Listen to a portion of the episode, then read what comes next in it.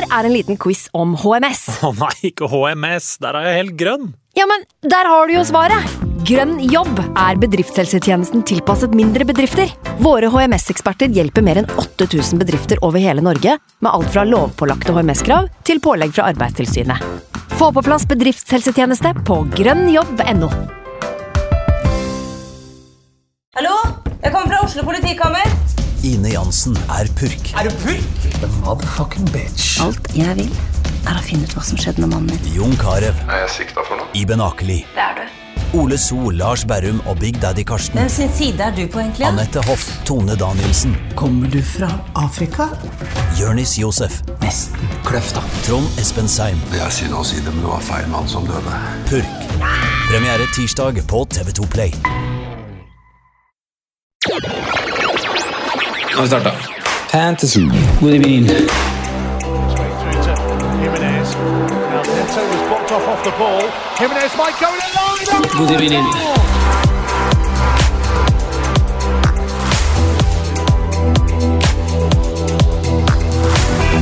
Hallo, hallo, og velkommen til en ny episode med Fantasyrådet. Mitt navn er Franco, og i dag så sitter jeg her med mine to freaks and geeks. Simen, velkommen skal du være. Jo, takk for det. Hei. Og Sondre, velkommen også til deg. Hjertelig takk, Franco. Ja. Dette er segmentet, segmentet av podkasten hvor jeg vanligvis skulle introdusert en veldig, veldig fin fyr, men Rasmus, han er ikke her i dag. Hva er forklaringa, Simen? Eh, Forklaringa er ganske enkelt. Det, er eh, mitt ans eller det var mitt ansvar å booke gjest.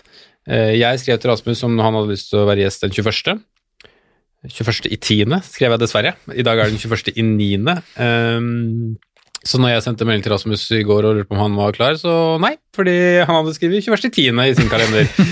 Eh, så det må jeg rett og slett ta på min kappe, sånn sett. Mm.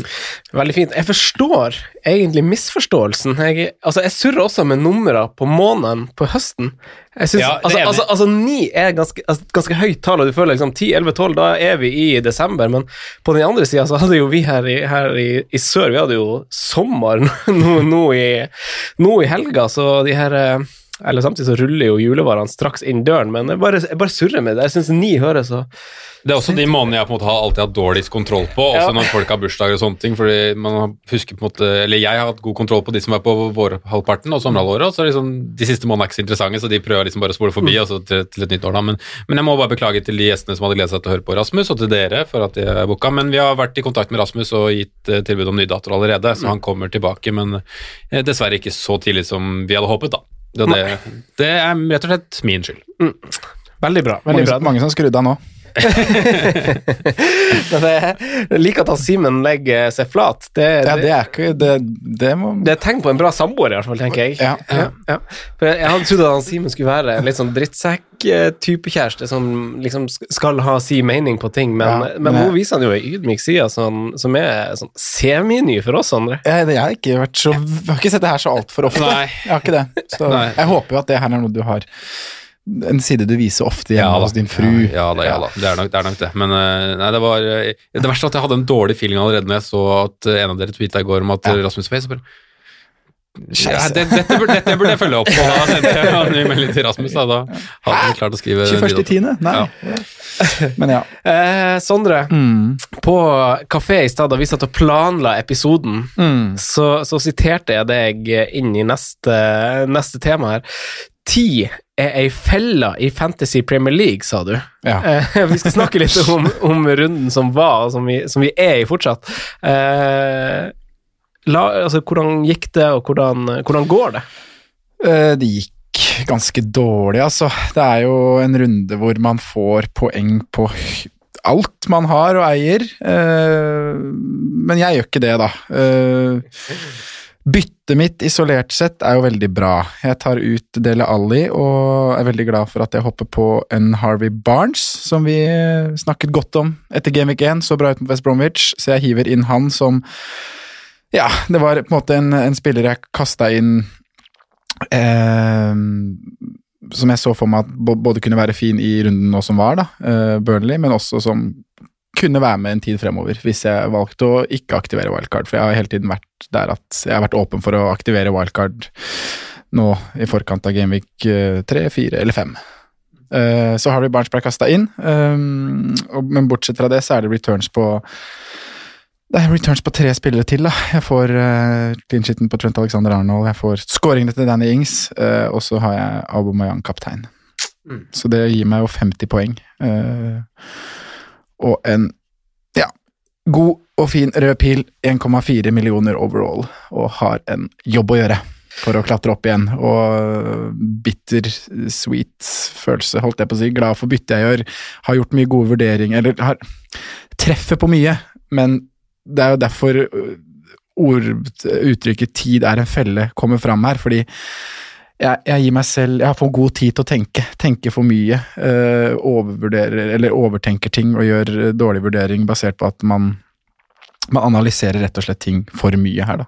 Mm. Sånn et godt eksempel på det, som jeg egentlig har hatt inne hele preseason, har vært den beste spilleren til Tottenham gjennom preseason. En spiller jeg har vært snakka mye om er underprisa, som nå Herregud, at han får Er det, det er fire mål han får, er det ikke det? Jo, at han skårer fire mål, det er jo ganske sykt, det, men at jeg ikke har han med fra start, irriterer meg når han gjør i runde to, da. Det, den, den, ser jeg. Det, de, jeg husker du gjorde det byttet faktisk på dagen Gameweek 1 starta. Typ en halvtime før fristen. Ja. Ja. Uh, Simen, da. Uh, du har jo uh, et litt annerledes lag enn oss, og gikk jo ut i en litt utradisjonell formasjon, kan jeg si, denne runden her. Og det beit jeg jo faktisk kanskje litt bak, til og med. Ja. Få høre. Jeg gikk ut i en klassisk Wolverhampton, 5-2-3. Mm, du må ha vingbekkene høyt nok, da. Ja, og det, med fem wingbacker så, så, er jeg høyt oppe med de. Men eh, grunnen til at jeg gjør det, er faktisk eh, Jeg setter byttet mitt da, for å starte med det. Jeg går, tar ut Mitchell. Og selv om han Jeg fikk ikke med meg Nå har han steget han i etterkant også, men jeg går Mitchell til Justin, for jeg hadde 0,5 i bank. Uh, så bytte isolert sett er på en måte greit, men jeg gjør jo bytte kun for å slippe å spille Pereira på Goodison Park. Mm. Så når lørdagen var ferdig, så var jeg sånn Ja, jeg treffer på Mitrovic, men fortsatt Pereira på benk. Det var egentlig de to eneste jeg hadde i aksjon. Den, eh, den lørdagen så er det sånn ah, det, det, er litt sånn, sånn litt sånn dårlig feeling. Um, I hvert fall når Everton eh, og alle de som bytter inn på der, får full betaling, da. Uh, men så ender det egentlig opp med en sånn relativt ok runde med, med 68 poeng, da. Eh, men jeg skulle gjerne sett i etterkant at jeg hadde turt å benke en av Tottenham-defensivene og, og spilt Pereira. Altså. Det hadde gjort veldig mye for, for å få ti poeng ekstra. Men jeg er enig med, med 68 har jo Harry Kane, har Mitrovic. Um, der er det jo sju målpoeng mellom de to. Um, Justin får som den skåringa si, har to clean shit på, på Trent og, og, Robertson, og så har jeg kapteinspinner på Aubameyang som Sondre, og en blank på, på Sala. Så ut fra hva jeg trodde før runden, så er jeg egentlig mer enn happy, mm. for å si det sånn. Fordi da, Jeg sa jo det forrige uke at jeg vurderte faktisk å gå wildcard. Uh, får litt mer betalt nå fordi valga man på en måte gjorde før runde én, da, med Mitrovic og Kane, men um, ja, selvsagt litt bitter med Pereira, men jeg, jeg sto for det laget jeg satte fram, med at det var bedre å spille Davis og Dockerty enn uh, en Pereira. Nei, det, du, du står sterkt etter, eh, etter, hvordan eh, mange andre står. Og jeg var jo ganske langt nede sjøl på, på, lørdagen eh, i Fantasyøyemed at jeg hadde jo ingen av de som leverte da. Jeg hadde jo til gode å få spillere på banen i det hele tatt, men man ser jo at de Everton-spillerne spesielt, det, var det, jo, det ble jo lert av eh, rang, de leveransene der. Eh, så det var jo litt ekkelt, men får jo igjen litt på søndag, da, som eh, følge av at jeg har beholdt Son eh, og Ings, og det her var jo kanskje hovedårsaken til Altså, det her var det mitt største dilemma før Gameweek 1. Danny Ings eller Che Adams. og, land, og jo, tukla så masse for å få til, få til Ings, og ordna jo det til slutt, og jeg er glad eh, jeg sitter igjen med en følelse av at det ga avkastning, da, eh, nå. Eh, før denne runden så sto jeg på en 50-50, og jeg følte meg veldig truffet av det du sa, Sondre. Det er jo mange som kjenner seg igjen i det, så man trenger kanskje ikke å, å, å si som å si det, for man har jo dilemma hver eneste runde, men mm. Uh, jeg hadde jo lyst til å være kul og sette på Richarlison uh, forrige, forrige, runde, før Werner. Jeg bytta ut Werner, faktisk. Uh, og, og, det er jo fordi jeg har aktivert wildcard. Det kan jeg bare avsløre med en gang. Mm. Det, så jeg skulle gjøre et bytte for en spiss som, som jeg skulle ha for én runde. Uh, og da sto det mellom Richarlison og Martial, og jeg valgte jo da Martial på fredag der. Uh, veldig irriterende, egentlig, i korte trekk. Eh, ikke fordi at eh, Nei, altså Det er irriterende fordi at Richarlison visste i, den, i Premier League-kampen at han var god, at han uh, var i form, og at det, at det lå noe her. Uh, vi snakka varmt om han i forrige episode, hørte Hallo Fantasy, Sigurd og, og Martin også gjorde det. Uh, så det er litt bittert eh, å bli litt sånn skremt av hvor mange som bytter inn Martial, eh, som gjør at jeg til slutt velger det. Eh, nå, nå Altså, han har jo sett god ut i, mot Sevilla, eh, og Bruno Fernandes så jo god ut, men vi visste kanskje for lite om Manchester United, da, og det er kanskje der et lite brudd på prinsippet ligger. Det er et lag som ikke har spilt Premier League ennå, du vet ikke. Du visste at mange har kommet sent tilbake fra ferie, da. Og så prata vi også litt opp Crystal Palace etter runde én. Vi prata litt om at vi tror ikke at selv, selv vi, alle vi trodde at United kommer til å vinne kampen, det kan vi på en måte si. Ja. Men vi alle var ganske sikre på at det ikke blir noen, blir noen målkalas i form av mange skåringer for United. da. Det nevnte vi selv om selv før at vi nevnte også at alternativene kan være gode der, men vi, jeg syns vi var ganske bastante på det. Eh, men det har jo vært Jeg, jeg står for så vidt på 61 poeng, er det det jeg står på? Ja, 60, og så får jeg får vi håpe Nyland står i mål i dag. Jeg valgte, valgte å gå for han, og ikke McCarthy kommer inn. Og så hadde jeg Davies først på benken, og det er klart eh, formspissen i, i Aston Villa skal få seg ei scoring i Game Week 1 der. Inn fra benken etter 66 minutter! Nikke inn i en retur, eller noe sånt. Men jeg er med deg i, i Wildcard-klubben, da. Ja! Si det sånn. Aktivert her og Oi, oi, oi. oi. Lørdag- jeg har ikke starta veldig nøye planleggingen. Jeg har liksom bare satt på spillerne som gikk opp i pris på lørdag. Ja, og så, så står det, surfer det liksom bare på det enn så lenge, for man må planlegge pod òg, så, Mm. så det får komme i andre rekke. Men det er jo, apropos det med prisnedgang og oppgang, det markedet der koker jo hel bananas av, av utålmodige folk. Magnus Bryn påpeker jo at spillere stiger og synker før, før man har rukket å ta avspark en gang. Eh, hvordan, hvordan stiller du deg til det, Simen? Eh, Lar du deg stresse? Um, ja, litt, fordi at jeg prata jo med dere når jeg kom på, på kafeen i dag, jeg også, og prata litt om at jeg hadde lyst på å få sette inn Reece James til fem blank. Men før jeg hadde tenkt på at det hadde vært prisstigninger i natt, så hadde han, også steget til 5-1. Og Chedem, som jeg eier, er jo allerede nede på 5-9.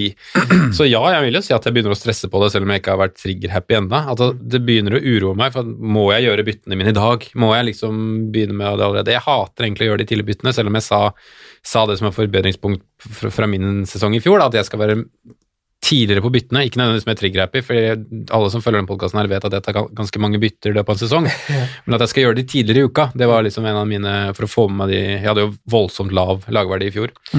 Um, men jeg, jeg klarer jo ikke å sitte nå og bestemme for å bytte nå, altså det, nei, så ja, det, det erger meg mer enn det stresser meg, da, for å si det sånn, men eh, det, det, det, det gjør jo sikkert at jeg kommer til å ta et bytte nå i nærmeste Kanskje real, Jeg får med meg kampen i kveld, i hvert fall. For det skal vi se på en Raheem Sterling, Kevin De Bruyne etc. Men uh, det kan fort hende at jeg gjør byttene mine i kveld, altså. bare for å slippe flere uh, prisstigninger og prisnedganger. Mm. så har vi da, denne uka er det jo ligacup. Eh, fra og med i morgen til og med torsdag. Eh, Premier League-lagene skal i aksjon. Eh, lar du deg skremme av sånt, Sondre? Når, altså, det er jo kanskje en tendens på høsten at folk er mer ivrigere på de her inn- og utbytterne. at det er litt mer ekstremt i pris opp- og nedgang, og det er vel blitt skrevet litt på Twitter rundt i det siste at en prisnedgang på en spiller du har, kan være ganske utslagsgivende. Eh, Det er veldig sånn nedtur å få med seg det, da. Ja. Men, men hvordan lar du deg prege? Jeg vet jo at du også er jo en som har forkynna litt det å, å vente til fredag med bytta for å få det siste fra pressekonferanse, for vi får jo stadig nytt om at en spiller har skada seg på trening eller lignende. Ja, jeg liker jo å avvente det, og spesielt som du sier med, med midtukekamper her, da, og kanskje spesielt den fasen vi er i nå, hvor man har hatt en kortere oppkjøring enn vanlig, og det kan være litt større skaderisiko enn hva det er tidligere. Så er det et aspekt som jeg, jeg Vanligvis tenker jeg på det, så jeg ville nesten tenkt enda mer på det nå. Eh, men igjen så er det jo Det er ikke sikkert lag prioriterer å bruke sine beste elvere eh, i de rundene vi er i nå, og kanskje ikke de heller har kropper til å gjøre det, da. Så vi ser, ser litt mer B-prega mannskap. Uh, men prisstigningen var jo en liten trigger for at jeg wildcarda. Eh, Og i hvert fall at jeg gjorde det lørdag. Jeg var forbanna på lørdag, da. Etter- Everton-målkalaset der. Så jeg hadde på en måte, som jeg sa innledningsvis, at det var en det var, det var noe jeg hadde i tankene allerede før runden starta, at jeg kan aktivere i kveld. Eh, Så, så da ble det gjort, og det at jeg så at eh, en del Everton-spillere skulle opp i pris, var, var med på å trigge wildcardet for min del. Altså. Det var det. For jeg har jo alltid den herre Men du vil alltid det jeg skulle si nå var at Jeg sitter alltid og mangler penger på slutten av sesong, men det tror jeg alltid jeg vil gjøre. Uansett hvor god du har vært tidlig til å få med deg eh, prisstigninger, så vil du alltid mangle 0-1. Det vil alltid være sånn, sånn det blir. Så um, ja, jeg tenker på det. Men du, du snakka om det med at 0-1 nå innledningsvis i sesongen kan bety mye, og det, det er jo fort vekk 0-5 på et wildcard. Ja. Hvis du taper 0-1 tidlig i sesongen. Ja, det Det er er sånn som når jeg, når jeg mista 0-1 tidlig på Saliba Uh, et, mellom runde 1 og runde 2, da, så var jo det 0-5 når jeg skulle gjøre et bytte med han. Mm. Så sånn sett er det jo verdien veldig mye verdt nå tidlig i sesongen. Nei, jeg er helt enig. Sondre, Mm. agendaen i dag. Vi har uh, fått fryktelig masse spørsmål på, på Facebook og Twitter. Uh, veldig hyggelig at folk uh, både følger på Twitter. Vi nærmer oss jo 10 000, nei 9000 og Mm. følgere. Og, og ganske mange på Facebook òg. Det er jo Veldig bra. Veldig takknemlig. Veldig og takknemlig for rangeringen på iTunes. Det er sjelden vi, sjelden vi takker for, men har fått, fått noen blanda kommentarer også der. På rangering på iTunes? Ja, ja, det er noen som, noen som syns vi er liksom litt for lite åpne om egne lag. Det er noen som Å, ja. klager litt Ja. pusting i ny og ne. Det er jo Ja, flisebyggeri. sånn det må ja, ja, folk få lov å ja, klage litt folk på. må få lov til å mene akkurat det de vil. Men i dag, sånn, i dag sånn, hva skal vi snakke om? Vi skal snakke enkeltspillerlag. Uh, Chelsea ser ikke bra ut, men eh, 40% eier Timo Werner. Hva gjør man med han før, uh, før turen til West Bromwich? uh, og hvilke billigspillere eh, flytter man eventuelt midler til, hvis man ønsker å hente litt midler? Mange med Saint Maximin trøbbel, og de er fristet av både Podense og Neto, så vi skal snakke litt om de, selv om vi bare har sett det i én match. Vi må ta en liten status på 5-5 og, og prisklassen rundt der. Så skal du, Franco, få lov å sage Manchester United litt. Vi skal sage Southampton litt, eh, og så skal vi snakke litt om lagene som bøtta inn mål i helgen. Everton og Spurs. Avslutningsvis, wildcard-snakk. Must dyre, billige kampprogram, stats. Alt skal med!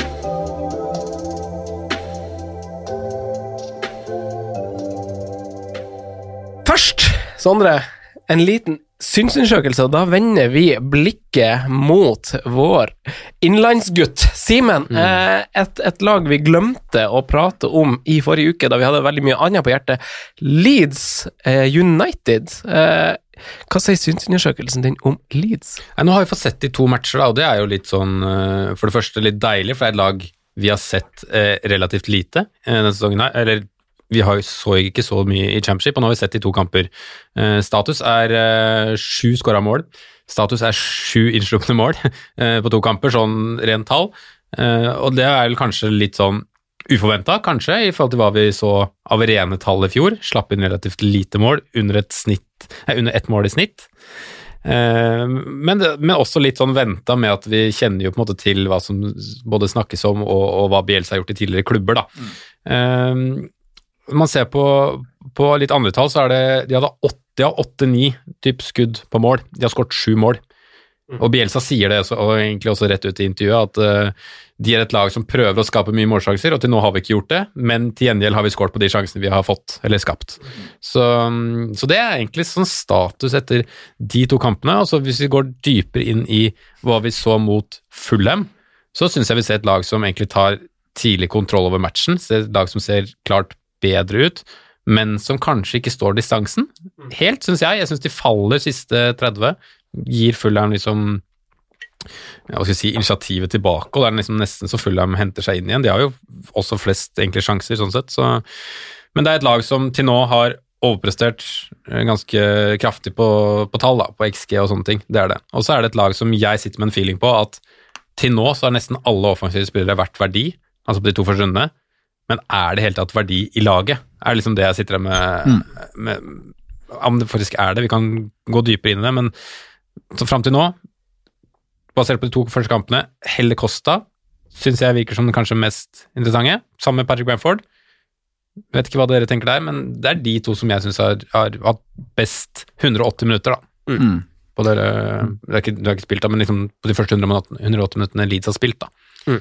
Og folket er jo i hvert fall Bamford hissig her, da. Hvis vi snakker pris, Men det skjønner jeg, for så er han han allerede steget 0-2. Mm. Men han, han starter på 5-5, den billigste spissen Mm. som på en måte starter, er det vel, sammen med kanskje Connolly starta jo nå, men det er ikke mange andre i 5-5-klassen, da, og da- så derfor skjønner jeg det. Ja. Han har jo også scora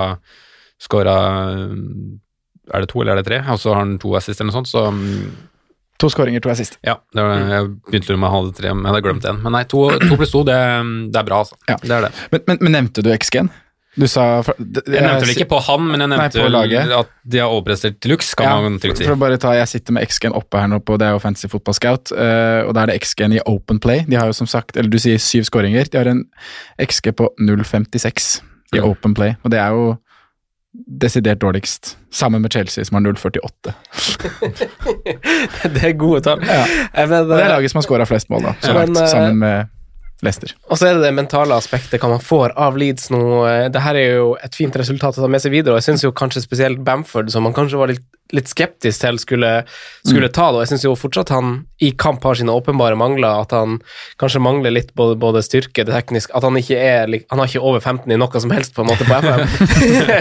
Så- så 13-14 på alt. ja, så, da, så da blir jeg litt sånn, litt sånn skeptisk, men jeg syns jo Eh, kanskje spesielt den assisten han har eh, i, i helga, er jo litt sånn Det får man selvtillit av. Eh, å runde en fyr og løpe fra noen og slå ut og få ei fin skåring. Han var ikke ferdigskåra, men det, det er godt gjort. Eh, men jeg ser an litt med Leeds. Jeg syns det, det er jeg er helt enig med deg, egentlig, men Jeg syns det, det ligger an til å bli så spredt.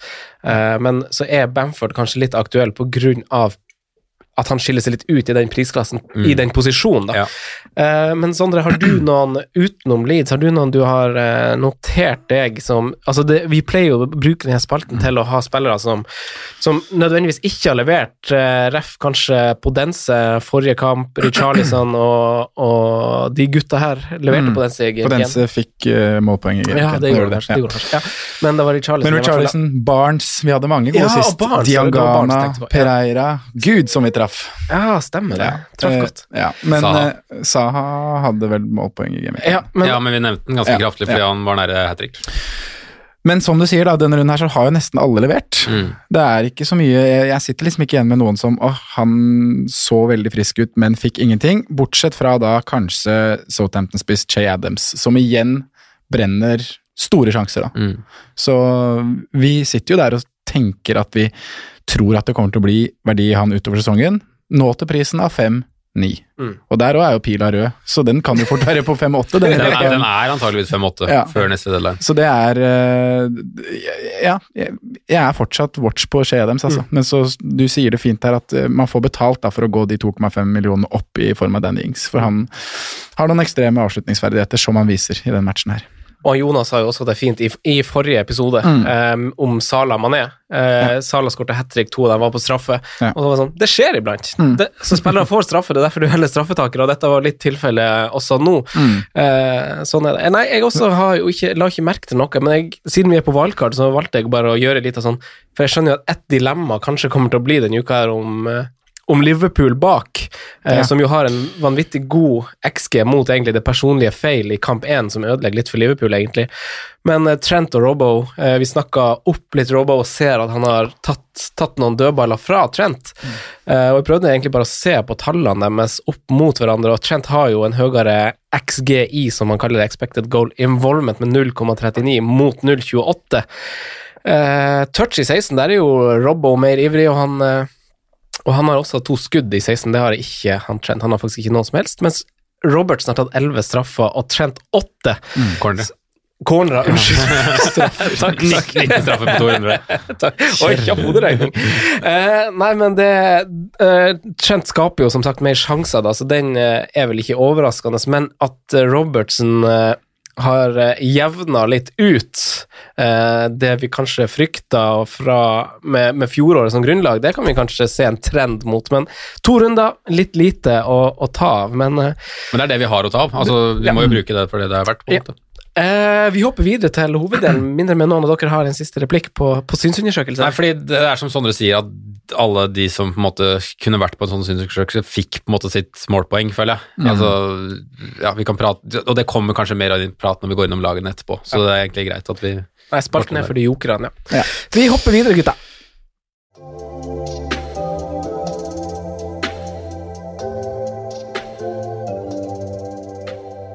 Man har det ikke fryktelig mer moro enn det man kjøper sjøl. Eh, denne runden eh, bydde på bølgedaler for de aller, aller fleste, og jeg trodde lenge eh, at det her skulle være en av de rundene. Eh, og så løsna det på, på søndag. Det gikk greit allikevel. Vi har fått Altså Etter sånne runder så får man jo masse spørsmål, og vi innleda vel med at vi har fått mange gode på alle plattformer. Eh, så, så hvis vi bare starter og skal snakke litt enkeltspillere og litt lag her først Hans Christian Ragnes han mener muligens at han stiller et dumt spørsmål, men jeg er ikke like sikker på det. Eh, ingen spørsmål er jo dum, men han antyder at Chelsea har halta litt på krykket inn i sesongstarten her, og spør da om eh, Timo Werner, som har en eierandel som har sunket med 30 siden Gameweek 1. 150 000 stykk har bytta han ut allerede siden lørdag, og vi ser nok på et prisfall også der i løpet av uka. Eh, er han verdt å bytte ut? Eh, det er spørsmål én. Eh, Hans Christian han hinter også frampå om at det er en del billigspisser som faktisk ser ganske spennende ut, Simen. Så om du først dekker litt dine tanker rundt Werner, og så kan vi kanskje snakke litt alternativer, og konkludere litt behold eller kast. Mm. Eh, nei, jeg, jeg var jo litt mer eh, hva skal jeg si, pessimistisk til Werner etter runde én enn kanskje det var til flere andre var. Nå syns jeg han var, synes han var helt grei, men samtidig så, så kommer det jo ikke, egentlig ikke til noen ting. Når, når det ser summa summarum. Han har den ene én-mot-én-sjansen mot uh, Fabinho i første omgang, som, som, egentlig ebber ut til ingenting, og så blir vilkårene ganske dårlige utover andre omgang. Så skaffer han, han skaffer en straffe, da, riktignok, det, det er et godt tegn, det, men den er, jeg føler den er litt tilfeldig. Men samtidig så er det han som skaper den helt aleine, så uh, Men om det er liksom timinga for å bytte ut Timo Werner nå, er jo egentlig ganske dårlig. Hvis du ser på de tre neste rundene som, som Chelsea skal ha, så er det liksom det er, det er jo de laga du vil ha, ha Timo Werner mot, holdt jeg på å si, da. Uh, og så kan man jo vel kanskje håpe der på sikt at eh, Jorginho-straffa gjør at kanskje han får ta neste, hvis det kommer en allerede nå neste kamp. Kanskje Jorginho også er ute av laget etter den prestasjonen hans i går. Så um, det er spennende å se hvem som er nummer to på, på Chelsea-straffer. Det har ikke, er kanskje ikke jeg best mann til å svare på, men jeg føler timinga på å kaste ut Timo Werner egentlig er litt døll, altså. Jeg skjønner de som gjør det på en del wildcard for å stable om annerledes og sånne ting, men hvis du isolert skal tenke bytter, så syns jeg timing er litt døll. For da, da hadde jeg mye mer forstått om du gjorde det før den her. Mm. Altså kaster han ut før de møter Liverpool, men ikke Mm. etter de møter Liverpool, som er ganske naturlig at de på en måte blanker. Mm. Uh, men jeg er helt enig, det er en del spisser i, i billigsjiktet også som, som frister og kanskje er mer value for pengene, det får vi se over på sikt, men uh, det ble jo en del mål, og det var en del spisser som sto for de måla. Mopé, eh, Mitrovic, eh, altså Cabert Lewin Det her, det, kommer vi tilbake til. så, mm, men nei, jeg syns Isolert sett, hvis du bare skal Hvis du ikke er på wildcard, så syns jeg faktisk det er helt feil timing altså, å bytte ut Timo Werner. Chelsea, Sondre, har jo veldig fine kamper framover, som Simen pent nevner, og, og vi bytta jo inn, eller vi jo ikke det, men man bytta jo inn Everton i stor grad pga. motstander, og vi har jo også snakka opp litt i preseason-episodene, det å spille, spille motstander. Eh, nå spilte de jo riktignok mot ti mann i store deler av kampen, kampen Everton, men vi har snakka en del om det å spille, spille mot motstander. Nå møter Chelsea eh, Chelsea West Bromwich, eh, som jo har eh, likt med Leeds mest skudd mot seg i boks over de siste to, to rundene her.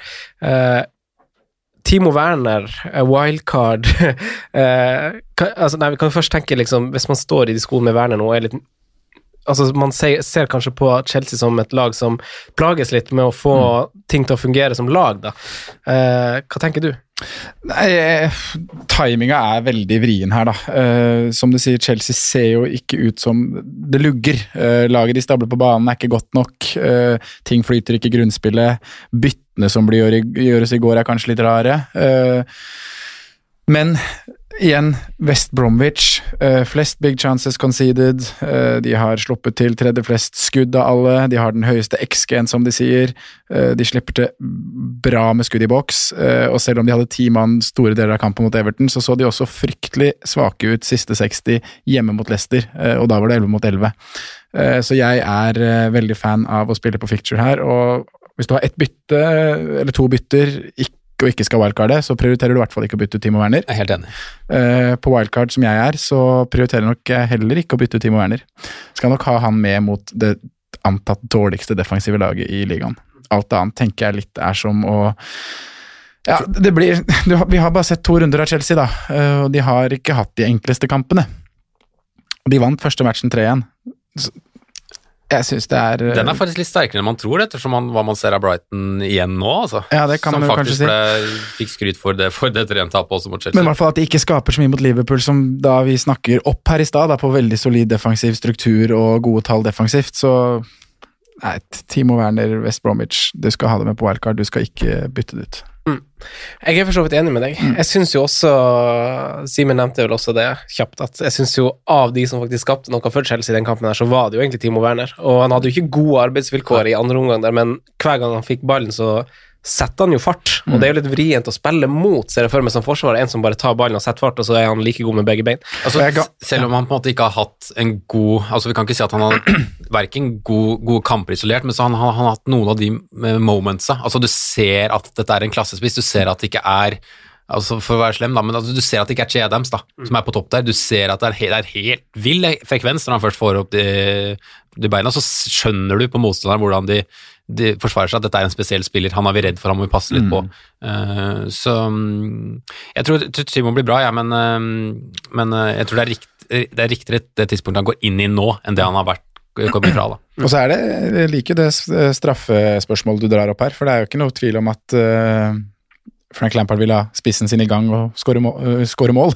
Så jeg tror, basert på det, så tror jeg Timo Werner tar neste straffe i Chelsea. Og så er det utelukkende positivt at eh, Timo Werner, som vi trodde kanskje skulle få bli en 60-70-80 minutters mann, har spilt to ganger 90. Mm. Selv med Giroud og Abraham på benk. Det er ikke han som har gått ut når, når vi gjør spytter, så det syns jeg også er utelukkende positivt. Det er et godt poeng. Eh, hvis vi bare eh, vernet Werner litt på hylla og snakke litt generelt eh, Chelsea de har jo hatt mange spillere ute. Nå forventer vi vel å se Chilwell snart inn i laget. Eh, nå kreves kanskje det at Thiago gjøres matchfit i lys av det her røde kortet. Og så må man spørre seg selv om Aspille Kueta skal, spille, skal sitte 38 kamper på benken, når James rett og slett har tatt høyrebekken, eller? Er det en viss rotasjonsfare der? Tør, tør man det på wildcard? Tør man å bytte inn Reece James andre? Eh, nei, jeg gjør ikke det. Hvis, jeg ser liksom ikke for meg at Aspi skal sitte så mange matcher på benken. Så Jeg har dårlig feeling. Ja. Jeg, jeg, jeg vil jo altså sånn, kudos til de som turte å starte der, da tok den sjansen, for det var absolutt en risiko. Fått uh, bra betalt, i hvert fall i runde én, da. Og han er jo bra. Ja, ja han ser fin ut, så Men uh, nei, jeg sier, sier nei, altså. Selv nå er det 5-1 nå. Altså jeg vurderer å ta inn James, som jeg nevnte på en måte i stad, at jeg var bitter på at han fått en 0-1 opp, men Mm. det er med wildcard i bakhånd. Riktig. Eh, hadde jeg tatt wildcard, så tror jeg ikke hadde tatt den, med tanke på at jeg heller ser ikke en grunn til at Aspel Kueta skal, skal, skal sitte 38 på matcher på, på benk og komme inn. Altså. Jeg tror han skal inn og spille etter hvert. Eh, vi hopper videre til Emil René Gukild sitt spørsmål og Henning Vesterby på Facebook. Eh, det er jo mange som har spurt, ikke bare de to som har spurt om Podense, og vi kaster, kaster Neto inn der uh, i den diskusjonen. Uh, I lys av Yota sin overgang, samt en god audition i Gameweek 1. uh, og så etter kveldens kamp må man jo da ha i bakhodet denne diskusjonen, og kanskje en god Gameweek 1, da, og, og gjøre ei vurdering, for her er det jo spillere som, som går inn i kanskje sitt fineste kampprogram hele sesongen. Eh, det runnet Wolverhampton går inn i etter City i kveld, det er Westham, det er Fulham, Leeds, Newcastle, Palace, Leicester, Southampton som står i kø de neste sju, eh, Sondre. Ja, mangler bare Eh, West Brom inn der, så er det kremrekka, altså. Ja, de får ikke, får ikke bedre run denne sesongen her, de. Så, så hvis vi snakker Vi kan snakke litt Wolverhampton, egentlig, samtidig som vi snakker på Dense og, og Neto først. Hva tenker du om de gutta der? Nei, det, det er er jo kjempespennende. Du, nå har de jo sluppet Jota til eh,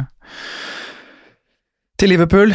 Eh, Det betyr at skal, en, av disse gutta her skal spille kant, men eh, vi må på en måte få en litt mer sånn større grunnlag på spilletid her, da. Det, og nå med ny back rykta inn, nå, eller nå, har, nå var det Traoré som starta wingback mot Sheffield United. Eh, hvis Semedo blir signert, det er naturlig at han skal inn der. Traoré da opp i kantrolle igjen. ikke sant? Da har du to kanter basert på Eller tre spillere som skal slåss om to kantplasser. Så på Dense Neto Traoré vil jo da få veldig delt spilletid. Eh, men den av de som klarer å få en av vingene, vil jo absolutt være aktuell. Og jeg syns jo Podense ser, eh, basert på det man så forrige uke, veldig veldig frisk ut. Og han var vel den som sto lengst òg, men begge ble bytta ut før det var spilt 80. Ja, han sto åtte minutter lenger, tror jeg. Ja, okay, det minutter lenger, så... Men, Men det er jo eh, riktig det er jo Pedro Neto som blir tatt av først. Ja. Om det er, det er én kamp å ha grunnlag på, men det er i hvert fall det grunnlaget vi har. Vi må se mer før man, eh, før man kan si så veldig mye, men høyaktuell her på wildcard. Jeg tipper vi City jo med noen flere svar etter Wolverhampton City i kveld. Mm. Hvor vi bare, om Nødvendigvis ikke at noen av de leverer, men at man kanskje bare ser eh, posisjon, Ja. eh, hvem som blir tatt av først. altså Alle de tinga der spiller litt inne. Men jeg, jeg er helt enig. Jeg syns eh, først og fremst Podense ser eh, veldig spennende ut til den prisen. altså. Eh, jeg er også veldig eh, interessert i egentlig begge to. Eh, å, se, å se i kveld, det gleder jeg meg til. Og så da er det bare å, å se godt, eh, for den er jo veldig spennende. Mm. Neto han var sykt mye kjappere enn hva jeg trodde. Ja. Dødsrask. Så det, jeg elsker å se på raske spillere springe fra andre spillere. Jeg syns han var ganske spennende de minuttene han fikk i fjor også. Jeg, som litt sånn plutselig inn, og så plutselig bare 30 minutter her. Men jeg syns liksom han hadde et eller annet. Altså, For han er jo også en ungvalp, uh, Pedro Neto, så Nei, jeg Men apropos raske spillere, har dere sett, har dere sett det der eh, klippet? Eh, det er ikke et klipp, det er fra en kamp, så dere så sikkert kampen, men det er et klipp garantert på YouTube av han Shane Long når han springer fra Ben Watson i Watford. Jeg har ikke sett klippet. Å, det er sjukt. Det er tilfredsstillende å se på raske folk. Ja. Eh, men eh, Semedo kommer Ja. kanskje sikkert inn til 5-5. Simen tippa kanskje 6, uh, i verste fall. Mhm. Ikke fryktelig masse målpoeng i han. Jeg så i Barca sesongen som gikk, spilte han 32 kamper i La Liga, fem målpoeng på det. Ja. Uh, men så igjen så må man se på, på systemet her. Rollen de får, ja. Men jeg tenker jo, defensivt så er det jo kanskje verdi til forsvarerne deres i fem. Så Saiz, hvis han hadde spilt samtlige 38 kamper i fjor, så tror jeg kanskje han hadde vært den spilleren som hadde lagd flest frispark av alle. Eh, han spilte 33 kamper, og han var, var topp fem av alle forsvarere, i hvert fall. og det var vel han der Pereira i, i Leicester var vel over han, tror jeg, som, som hadde spilt ish like mange kamper. Eh, men Marcal, eller Marcel, eh, Cody spiller alt. Eh, hva tenkes om dem? Jeg kan spørre deg, Simen, først. Jeg, jeg, jeg tenker jo først og fremst, hvis de lander nå eh, Semedo og har landa Marisal, at det defensive, den defensive femmeren er, er forsterka defensivt. Eh, jeg syns både Marisal og Semedo er bedre defensive backer enn Dockerty og, og, og Johnny Otto, da, som kanskje var de to foretrukne eh, på sine der. Men, eh, men så er det spørs da om, om at Dockerty borte, om det gjør mye måte med det offensive her på sikt, og om kanskje eller om wingbackene først og fremst er like mye verdi som de var i fjor. Det er jeg litt mer usikker på. Men jeg syns laget begynner å se veldig, Det er veldig solid, selv om de har mista Jota og, og Dockerty, syns jeg. Altså. Eh, så, men, men ja, jeg, jeg er frista både av eh, Sas og, og Cody, altså. og for så vidt Marsal, men jeg er ikke helt Hva, hva er status på Vinagre? Nei, det er det. Jeg er ikke helt bankers på at Marsal eller Litt som eh, kanskje med Reece James i Chelsea. Jeg er ikke sikker på at han spiller 38 matcher, altså. Nei. Det er jo nedsida ved å kjøre et wildcard eh, nå, da. Eh, Transfervinduet er ikke lukka. Eh, vi vet ikke hva som skjer ved Vinagre. Nei. Hvis han blir værende, så vil jo det være en konkurrent dersom man går Marsal og satser på at han skal ha venstre wingback. Så da er kanskje det trygge å gå for en av stopperne, da. Ja. og der har jo, Det har jo for så vidt Nuno vist på wingback nå, men i hvert fall for stoppeplass. Der har han vært veldig sånn. Men det er jo Der spiller gutta hele tida, og Cody og Det er jo Bolin Cody når han er frisk. mest ja. Ja, Boli, så klart, men han Ja. har den, han har den 0-5 opp, så han Ja. blir litt interessant. Men det er jo Cody som egentlig er den mest sikre her, føler jeg. Fordi Marsal også spilte jo også stopper i Lyon i det runnet. Ja. Venstre stopper, øh, og så hadde han vel uh, Cornett, eller hva han heter, ute til, til på venstre wingback i Lyon. Så han spilte jo stopper nesten øh, mye i fjor, så Ja. Jeg er, eh, jeg er veldig optimistisk, men også litt sånn lunken til selve valgene i Wolves. Det er det som irriterer meg litt. Altså, både Ponense, både stopperne, Mm. både wingbackene. Altså, får jeg mye ut av pengene mine her, eller er det bare at jeg ønsker det, på en måte? Jeg tror vi får mye ut av pengene, jeg, og jeg fristes veldig av å gå dobbel bak jeg og én på midten på wildcard nå. Fordi jeg tror, liksom, Hvis du kan kjøpe deg et stoppepar her til 10 millioner Uh, Franco nevner lista her med Westham, Fulham, Leeds, Newcastle Palace. Det kommer til å bli en del clean Du tenker to, ja. Mm. Ja, jeg, jeg er veldig sulten på det. Altså, jeg tror jo at Wolverhampton er et bedre defensivt lag enn de de konkurrerer mot, da. Mm. Med, enn Tottenham, enn mm. Arsenal, enn en Chelsea òg, egentlig. Ja, Eh, Men, kamp, men kamp, kamp, kampprogrammet i bakhodet her i tillegg, Ja. og det som også er fint. Og så er det jo noe er det Det her er vel tredje eller fjerde året, og man snakker litt ned Wolverhampton, og så vet vi at det, det, Det er jo bunnsolid. det er bunnsolid, rett og slett. Og jeg er enig med det du sier, ikke at jeg har sett så mye til de bekkene her, men defensivt så var ikke Otto og Dockerty var ikke der de hadde styrken sin. Og det her er vel kanskje bedre forsvarsspillere. Og det, det tror jeg kanskje at vi kan få se mer fordi I fjor følte jeg at de varierte veldig med 3-5-2, 3-4-3, da vi skal ta det så grovt. I år så tror jeg vi får mer 3-4-3 fordi at bekkene kanskje ikke er like gode offensivt, og man har de da typ Traoré jeg, Det er jo på en måte vars, varskotegn her. at uh, Hvis de kjøper seg en ny bekk i Semedo, så vil jo Traoré kanskje ta høyre kant Mm. istedenfor uh, høyre vikbekk som han Ja. har nå. Og da blir det jo én mindre av Podence og Netto. Ja. Du får ikke plass til begge. hvis Men er tra Traoré klink over på Netto? som Nei, for han er ikke det, som er fordi er, Ja. Traoré også er jo en fantastisk game changer. Ja. Altså Han er jo nesten best når han kommer inn og får 30 minutter, og Mm. bekken er sliten, og han skal inn der og herje, og smøres inn med babyolje og bare bang, bang. Eh, men hvor mange mål på de neste sju kampene skårer Raúl Jiminez, eh, Sondre? På de neste syv kampene så skårer Raúl Jimenez fire mål. Eller hvor mange målpoeng? og Hvor mange er sist? Fire mål. Fire mål, og hvor mange er sist? Jeg vet ikke, jeg. Det er- Vurderer du den? Ja, det er klart han må vurderes. Ja. Fire pluss én på de neste sju. Det er Ja, fire pluss én. Spørs om det er verdt 8-5, da. Alle, Når du har de billige gutta som Det er, kjører verdt, det er verdt det for han, men det spørsmålet er om du får noe som er Når du sammenligner med billiggutta Yes. som kjører. Ja. Men vi syns jo Ings var verdt det. Mm. Uh, her har vi også en straffetaker som går inn i et kjempefint kampprogram. Mm. Uh, og og vi, vi, det blir jo litt sånn som Magnus Carlsen i fjor, som han hadde Sala man er, men i mindre skala. At man betaler litt for Mm. stabilitet. da. Ikke tenker så masse på det med kapteinsemne, men du ser et fint kampprogram. Eh, går litt all in på dem du, du tror kommer til å levere jevnt og trutt i en periode. Ja. Tror han kommer til å gjøre det, gjør han ikke det? Jo, han gjør jo det. Det er bare taket hans, da. Hvis jeg sånn sammenligner han med at Ings var verdt det, så føler jeg liksom det er litt mer sånn eksplosivitet i Ings enn hva det er i Jimenez. Det Det skåres flere, 15. mål, ja, flere mål i Southampton enn hva det gjør i Wolverhampton. Mm.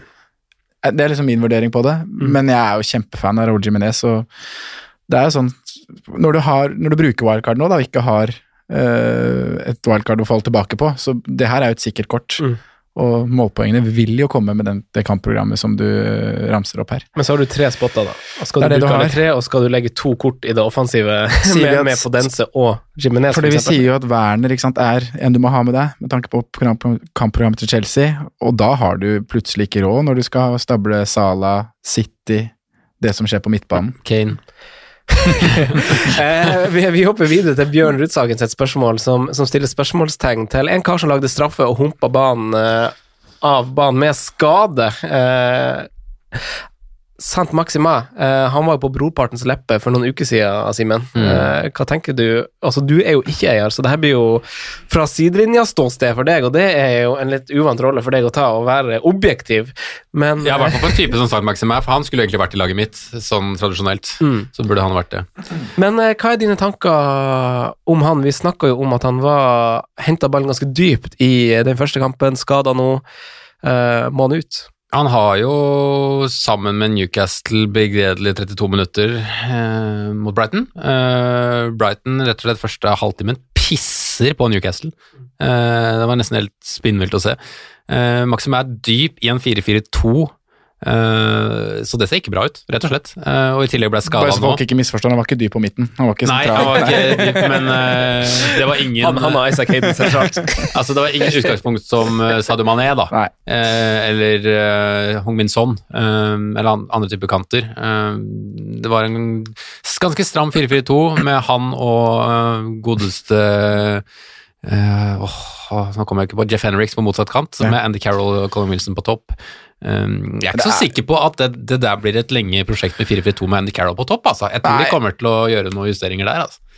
Det er noen spennende navn som skal inn i den elveren her òg. Almiron, Frazier. Mm. Frazier spilte vel cupmatch i midtuka. Ja, og kommer inn nå, da. Ja. Uh, men nei, ut fra det jeg har sett de to første kampene i Newcastle, uh, så ser ikke St. McNamara ut eh, som, eh, som den gullgruva man kanskje hadde håpet på, da. Det gjør han ikke. Et naturlig bytte, kanskje, hvis man står med to bytter, Aubameyang ut og, og, og forsterker, hvis man ikke må ha Calvert Lewin og den pakken der, da, men det kan vi komme tilbake til. Eh, vi har jo Kan jo være straight swap til Potense. Ja, hvis- si, vi har jo akkurat vært innom det. Pass litt på pris opp og nedgang, faktisk. Så det er et, kanskje et bytte du må gjøre tidlig. Det, det er ikke veldig fjernt at uh, Maximas synker i pris. Eh, men vi har jo også Trossard, vi har Diangana, som vi har snakka varmt om. Sondre, hva tenker du om Altså, Det var en no-brainer ta han ut på wildcard, men hva ville du ha gjort hvis ikke? Nei, jeg ville kaste han uansett, det tror jeg. Men eh, det, eller, det kommer litt an på hvor mange andre branner man har å slukke, da. Men eh, det ble vel også uttalt nå, han står jo flagga, og det er jo faktisk litt usikkerhet om han spiller neste kamp. Eh, Ankeltrøbbel, og det er wait and see, var vel det som ble sagt på pressekonferanse der. Så mm, Nei, hvis man, hvis man hadde en, en, en, klar plan og noe man virkelig ville gått for, da, hvis Podense viser seg å være on fire i kveld, eh, gjør den swappen, da. Hvis man har et dobbeltbytte og skal kunne hente noen midler. Vil kjøre inn en uh, Barnes eller en uh, James Rodriguez, noen ting. Gjør det, da. Uh, ikke helt Jeg liker jo veldig tanken av Diangana, at det kan være en kjempe spennende spiller å ha med seg, men jeg, jeg vil ikke involvere meg så veldig mye i West Bromwich, altså. Jeg tenker at uh, Selv om programmet der er kjempefint, da. Southampton, Burnley, Brighton, Fulham, etter de har møtt eh, Chelsea. Syns... Og når de skårer mål, så vil både Diangana og Pereira være involvert, tror jeg. Jeg, jeg, jeg syns den offensiven til West Brom så mye bedre ut enn det jeg forventa. Mm. Selv om de taper, altså de taper isolert mot et ganske godt, eh, godt Everton-lag. Men Ja. de, de få tingene de skaper, det, ser, det så litt mer lekent ut enn det jeg trodde i West Brom. Og kanskje først og fremst pga. de to nevnte spillerne, da, Diangana og Pereira. Og så var eh, Callum Robinson bedre Eller mer spillbar enn det jeg har sett den før, føler jeg. Jeg, synes, han- jeg har ikke vært noen fan av Jeg husker du starta med han i fjor, men uh, aldri vært noen Callum Robinson-fan, egentlig. Men jeg syns han egentlig hadde en del fine bevegelser mot Everton. Ja. Aldri vært noen Callum Robinson-fan. Høres ut som du snakker om en spiller som har snakket, spilt i Premier League i ti år. Nei, men altså, jeg syns han har vært Han har 600 minutter i Premier League. Ja, ikke sant? Men, men en, en aktuell kandidat som har penger i banken, som jeg syns er høyaktuell, er jo Trossard. Eh, Ja. vi, vi, snak, altså, vi snakker om han i preseason, så snakka vi om at ok, nå har han Altså, vi vet ikke helt hvor vi har Brighton, eh, fordi han mikser og trikser litt eh, med spaken, han karen her, men eh, men Trossard, vi så da han spilte, han spilte, starta vel 26 kamper, eller noe sånt, det husker jeg ikke på stående fot, fra start, men var hadde en veldig høy målinvolvering da han først spilte. Og jeg syns han har vært veldig god i de første to kampene. Så har man 0-5 i bank, så ser Brighton ut på synsundersøkelse etter to kamper og være et ganske godt lag eh, per i dag. Eh, god prestasjon mot Chelsea tross tap, ufortjent tap, og, og en god kamp eh, nå på bortebane mot Newcastle. Eh, bortesvake angivelig i Brighton. Så, så det er en veldig god start for Brighton, syns jeg. Men vi snakker litt lag, Sondre. Ja, og der er det du som skal få begynne. Skal jeg starte? Manchester United. Ja. De skal startes, de nå. Nå uh, gleder vi oss til, uh, til sabelen skal fram her. Ja, Men, men hvorfor, skal, hvorfor, hvorfor er det jeg som får sabelen? Fordi det er- du er jo den som brukte byttet ditt nå på å ta inn Anthony Martial. An, an, Anthony Martial han er jo min eh, Han er jo min Elinor, hvis dere har sett Gone in 60 Seconds. Han er jo min sånn, sånn der eh, Jeg syns han er litt kul å se på noen gang, og så bare funker det ikke med meg og han. Nei. Det bare går aldri. Det går ikke. Uh, nei, men eh, jeg, for, altså, jeg er jo sur fordi at Jeg er jo sur på meg sjøl fordi at eh, jeg valgte å gå til et lag som vi ikke har sett spille konkurransefotball ennå. Eh, et lag vi visste hadde spillere som kom seint tilbake fra ferie. Eh, et lag vi visste hvor spillere hadde vært i fengsel og sånn. Eh, og jeg har ingen tvil om at på et eller annet tidspunkt så kommer det her til å bli bra. Eh, når, når elveren får satt seg, de har spilt seg varm, det er skadefri tropp, kampklar elver osv. Men nå så var det rett og slett dårlig timing. Jeg følger jo med de som gikk på wildcard i, i, i runden før, og nå, For se- og nå, på, ja. jeg har nå sett med samtlige bein i, i United. Eh, eh, det syns jeg er litt synd, men det var jo ganske idéløst det vi så mot, mot Pelles, dessverre. Og vi vet jo at Pelles er jo et sånn type lag som som, eh, som kan ødelegge sånne kamper så til de grader. Ja.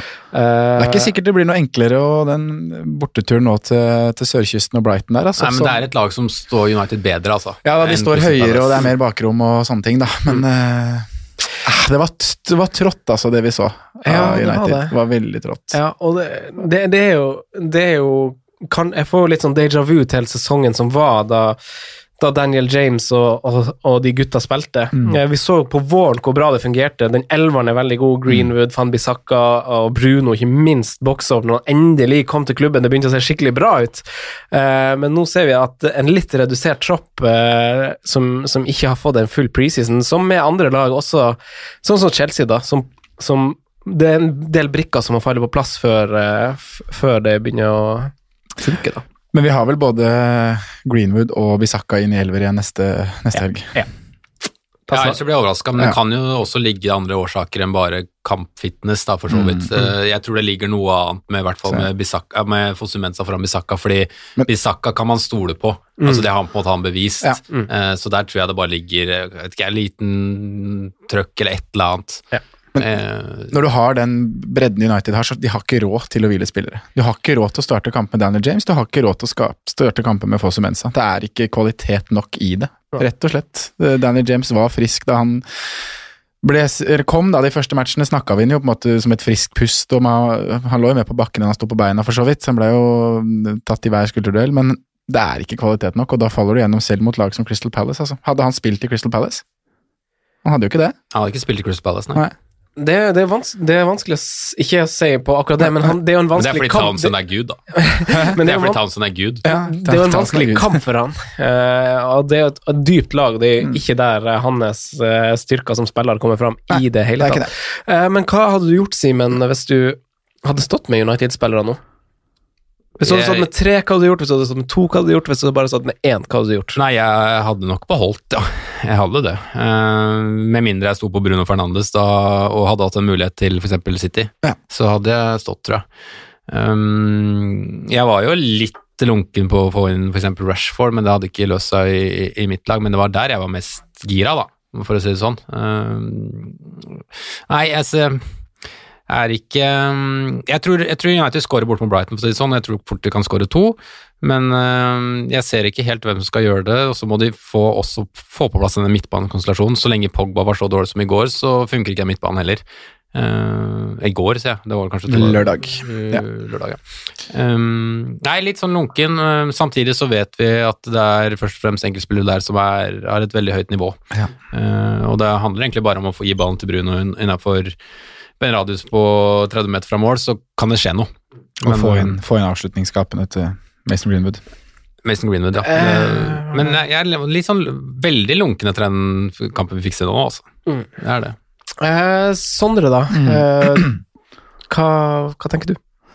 Nei, det blir ikke mye United på wildcardet mitt, for å si det sånn. Nei. Det gjør det ikke. Eh, men det vil jo bygge sånn at man enkelt kan komme seg dit, og sånn sett er jo United-prisene fine òg. Men du må vel nesten Så- kaste Shaw også på, på et wildcard, med tanke på at uh, Telles linkes inn også. Ja da, jeg kaster Shaw med glede. U uavhengig eller ikke. Ja, jeg, kaster, jeg gjør det. Det var ikke noe god prestasjon det han leverte heller. Eh, så Nei, jeg, hva jeg tenker, det er det jeg tenker. Mm. Sånn konkret på bytter, du spør Simen hva gjør man hvis man har de og de og de. Jeg hadde vel egentlig vært tålmodig, men hadde jeg stått med tre United, så mener jeg nesten jeg er wildcard-grunn. Altså. Altså. Ja, ja, det kan jeg nesten være med på. Ja. Men hvis du ikke bestemmer deg for å ikke gå wildcard, så bytter du det ikke ut. Nei. Fordi da må det jo anses Brighton som en god match, at de kan skåre Ja. Og det kan de jo, Brighton. Vi kan snakke om at Brighton så meget bra ut nå på Newcastle og vinner trener og sånn, men det her er jo Brighton i et nøtteskall. Ja, det ja, å tape absolutt. 4 4-0 mot United neste runde. ja, det er det. Men det er det. Men, men, Vi- Det var jo ganske lik den eh, De hadde en, en sånn overbevisende kamp i starten i fjor, og Brighton. Jeg husker ikke hvem det var mot, eh, men de hadde en overbevisende kamp i starten.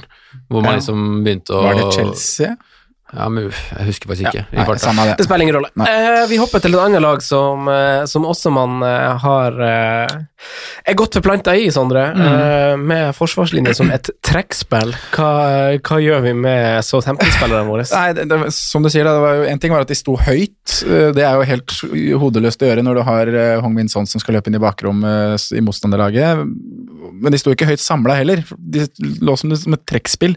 Spesielt bekkene, da, Kyle Walker Peters og Bertrand. Eh, var helt hårreisende å se på. Eh, så mm, Nei, ikke bra. Og Danny Ings skårer jo to mål, men har jo en eh, ja, Nå har jeg det ikke oppe foran meg, men XG og underliggende stats her, det, det oser jo ikke at han på en måte kunne hatt så veldig mye mer. Han har vel eh, Han har jo den annullerte skåringa, da. Ja, den har han. Men den er jo grei nok annullert, holdt jeg på å si. Det er riktig. og Laurie surrer jo litt der òg. Men, det viser jo hvor effektiv han faktisk har blitt, da. Han er det. Han er bra. Men eh, nei, Southampton er ikke ikke overbevist, og er jo en grunn til at jeg på en måte wildcarder litt, det òg. Involvert bak der med McCarthy som ikke gjør noe særlig. Eh, Det var jo det her vi så i fjor, starten på fjoråret òg, akkurat det samme Southampton som vi ser nå. Så brukte de jo lang tid på å finne ut av det, stramma seg opp og så meget bra ut fra desember og ut. Så jeg tenker bare at det er bare å komme seg av, jeg. Selv om det er Burnley West Bromwich de to neste, så ja. Som, jeg, offensivt syns jeg ikke de ser så ille ut, for å være helt ærlig. Altså, de har på en måte et mønster, de prøver å spille seg ut på sida, slå de legga inn og skal prøve å fòre de gutta på, på topp. Ja da, de skaper jo uh, skje dem, ja. som vi sier. Han skaper jo noe, men jeg bare åh, hvert fall bak. Bare kom deg av keeperen, kom deg av bekken. På Walker Peters, fader så dårlig du er defensivt, ass. Altså Walker Peters jeg tror jeg ryker til neste lagoppstilling. Jeg tror Valerie, hvis han er i nærheten av å Han var, han var ikke på benken heller, så jeg er litt usikker på hva som er greia. For det, Ja, det spiller meldte jeg Ward også i Prowse forrige da uke. på Ja, gjør noe bekken. annet. Gjør noe annet. men, Swan eh, Armstrong, ja, et eller annet. Eh, Men spissene Få en Armstrong på benken! ja, et eller annet.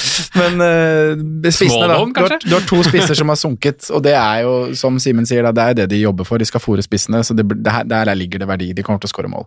Che Adams er jo, hvis du ser bort fra, fra liksom skåringer og sånne ting, så er det han som har sett best ut. Og det er absurd når han, når han sitter med null mål og har synket i pris. Ja, de, de Ja, han har foran mål. Nå har han to som jeg husker på stående fot. Eh, Det ene hvor, eh, hvor eh, Loris får det til å se ut som en bra redning, men han blir jo skutt rett på. Egentlig ganske dårlig avslutning av Che Adams, syns jeg. Ja, enig. Han er rett vekk Skryt av posisjoneringa til Loris, da. Ja, ja, det kan man godt gjøre. Men, mm. men, vi, men vi, har, vi, har, vi, har sett, har, vi har sett den der fra Loris akkurat før den der at han, at han slår en over, og så lander han på ryggen, og han egentlig kan lande på beina, ikke sant? Det er litt tryggere da enn Leno som lander på nakken og fram og støtt. Og. Brad, Brad Friedel Jeg var liggende. Brad Friedel bare sto. Dytta de over. Hvis han visste han ikke kunne redde ballen, han bare sto. Han sa at hvis ballen går i stolpen, så må jeg være klar for returen. Vet at jeg ikke tar, slenger meg ikke.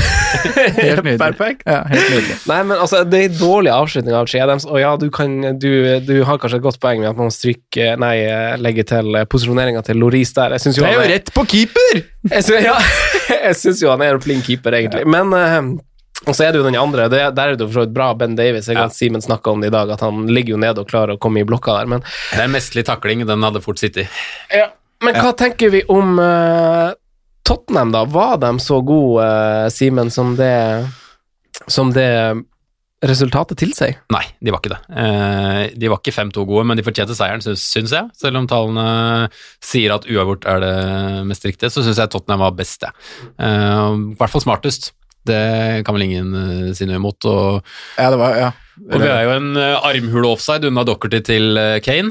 Eh, det er nærmeste armhule offside du kommer, tror jeg. Og så er, er de, de gjør jo mye riktig, da, med at Kane bare lomper. De vet at Southampton står, står høyt, har pratet om dette i pausa og skal bare lempe den over. Sånn dødelig effektiv, da, men samtidig så er de sjans, alle sjansene han får, er store. Så mm, Nei, altså ut, Nå får de også inn Regulo Gareth Bale til neste. Det var veldig negativt til Spurs i forrige episode. Nå er jeg en Superpositiv! Nei, men nei. Men er de friskmeldt, Sondre? jeg tror de kan bli topp fire. De er ikke friskmeldt.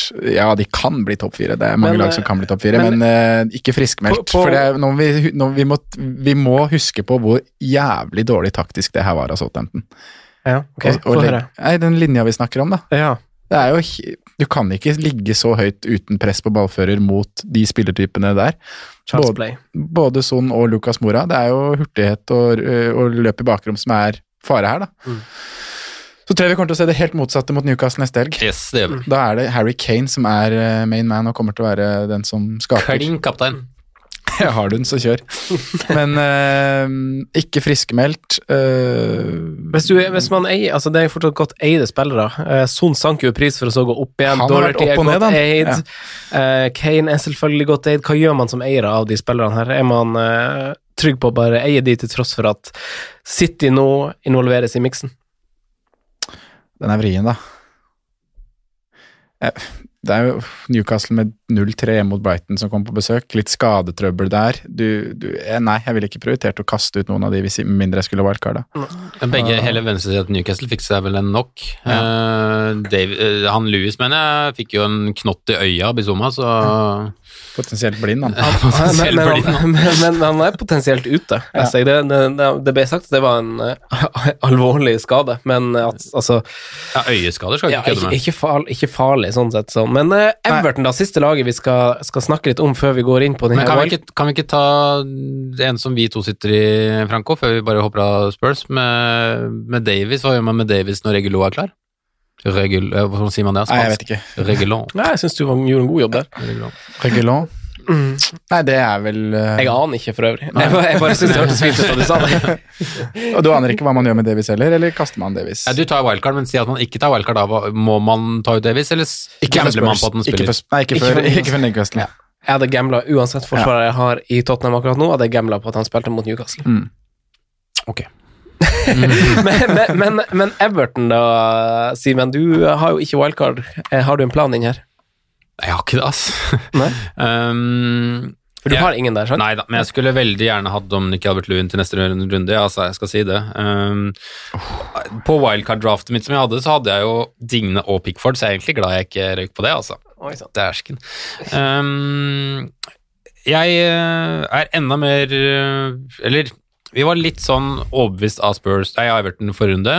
Blir jo ikke mindre overbevist sånn sett, men jeg blir mer usikker på om jeg faktisk skal stå for det Hames-utsagnet mitt forrige runde. Jeg syns han var fenomenal igjen nå sist. Kanskje jeg må bite i det sure eplet der, men um, Der syns jeg vi skal gjøre det, Simen. Jeg var jo lik som deg, holdt jeg ja, på å si. kanskje vi skal gjøre det med en gang og, Ja, og si at det er greit å ta inn Hames. um, men jeg, jeg føler ikke at det er stress med Crystal Palace borte. Nei, det er jo en annen fin For- refleksjon, da. Ja. Palace har jo sett meget, meget bra ut. Jeg føler bare Jeg Jeg tror litt ikke sånn skårer- jeg tror ikke de skårer mer nett. Barents fikk mer poeng enn Hames, så jeg traff på byttet. på, på Rodriguez så får jeg litt sånn Jeg får litt sånn eh, Madison-vibber. At det er, altså Skuddene så er jo et langskudd, det er det Mm, eneste skuddet han har den runden her. Ja. Eh, fra, fra 18 meter eh, med venstre, og den er jo langt ifra en, Han skårer ikke sånne mål runde inn og runde ut. Nei da. Eh, men Var det også litt dårlig keeperspiller?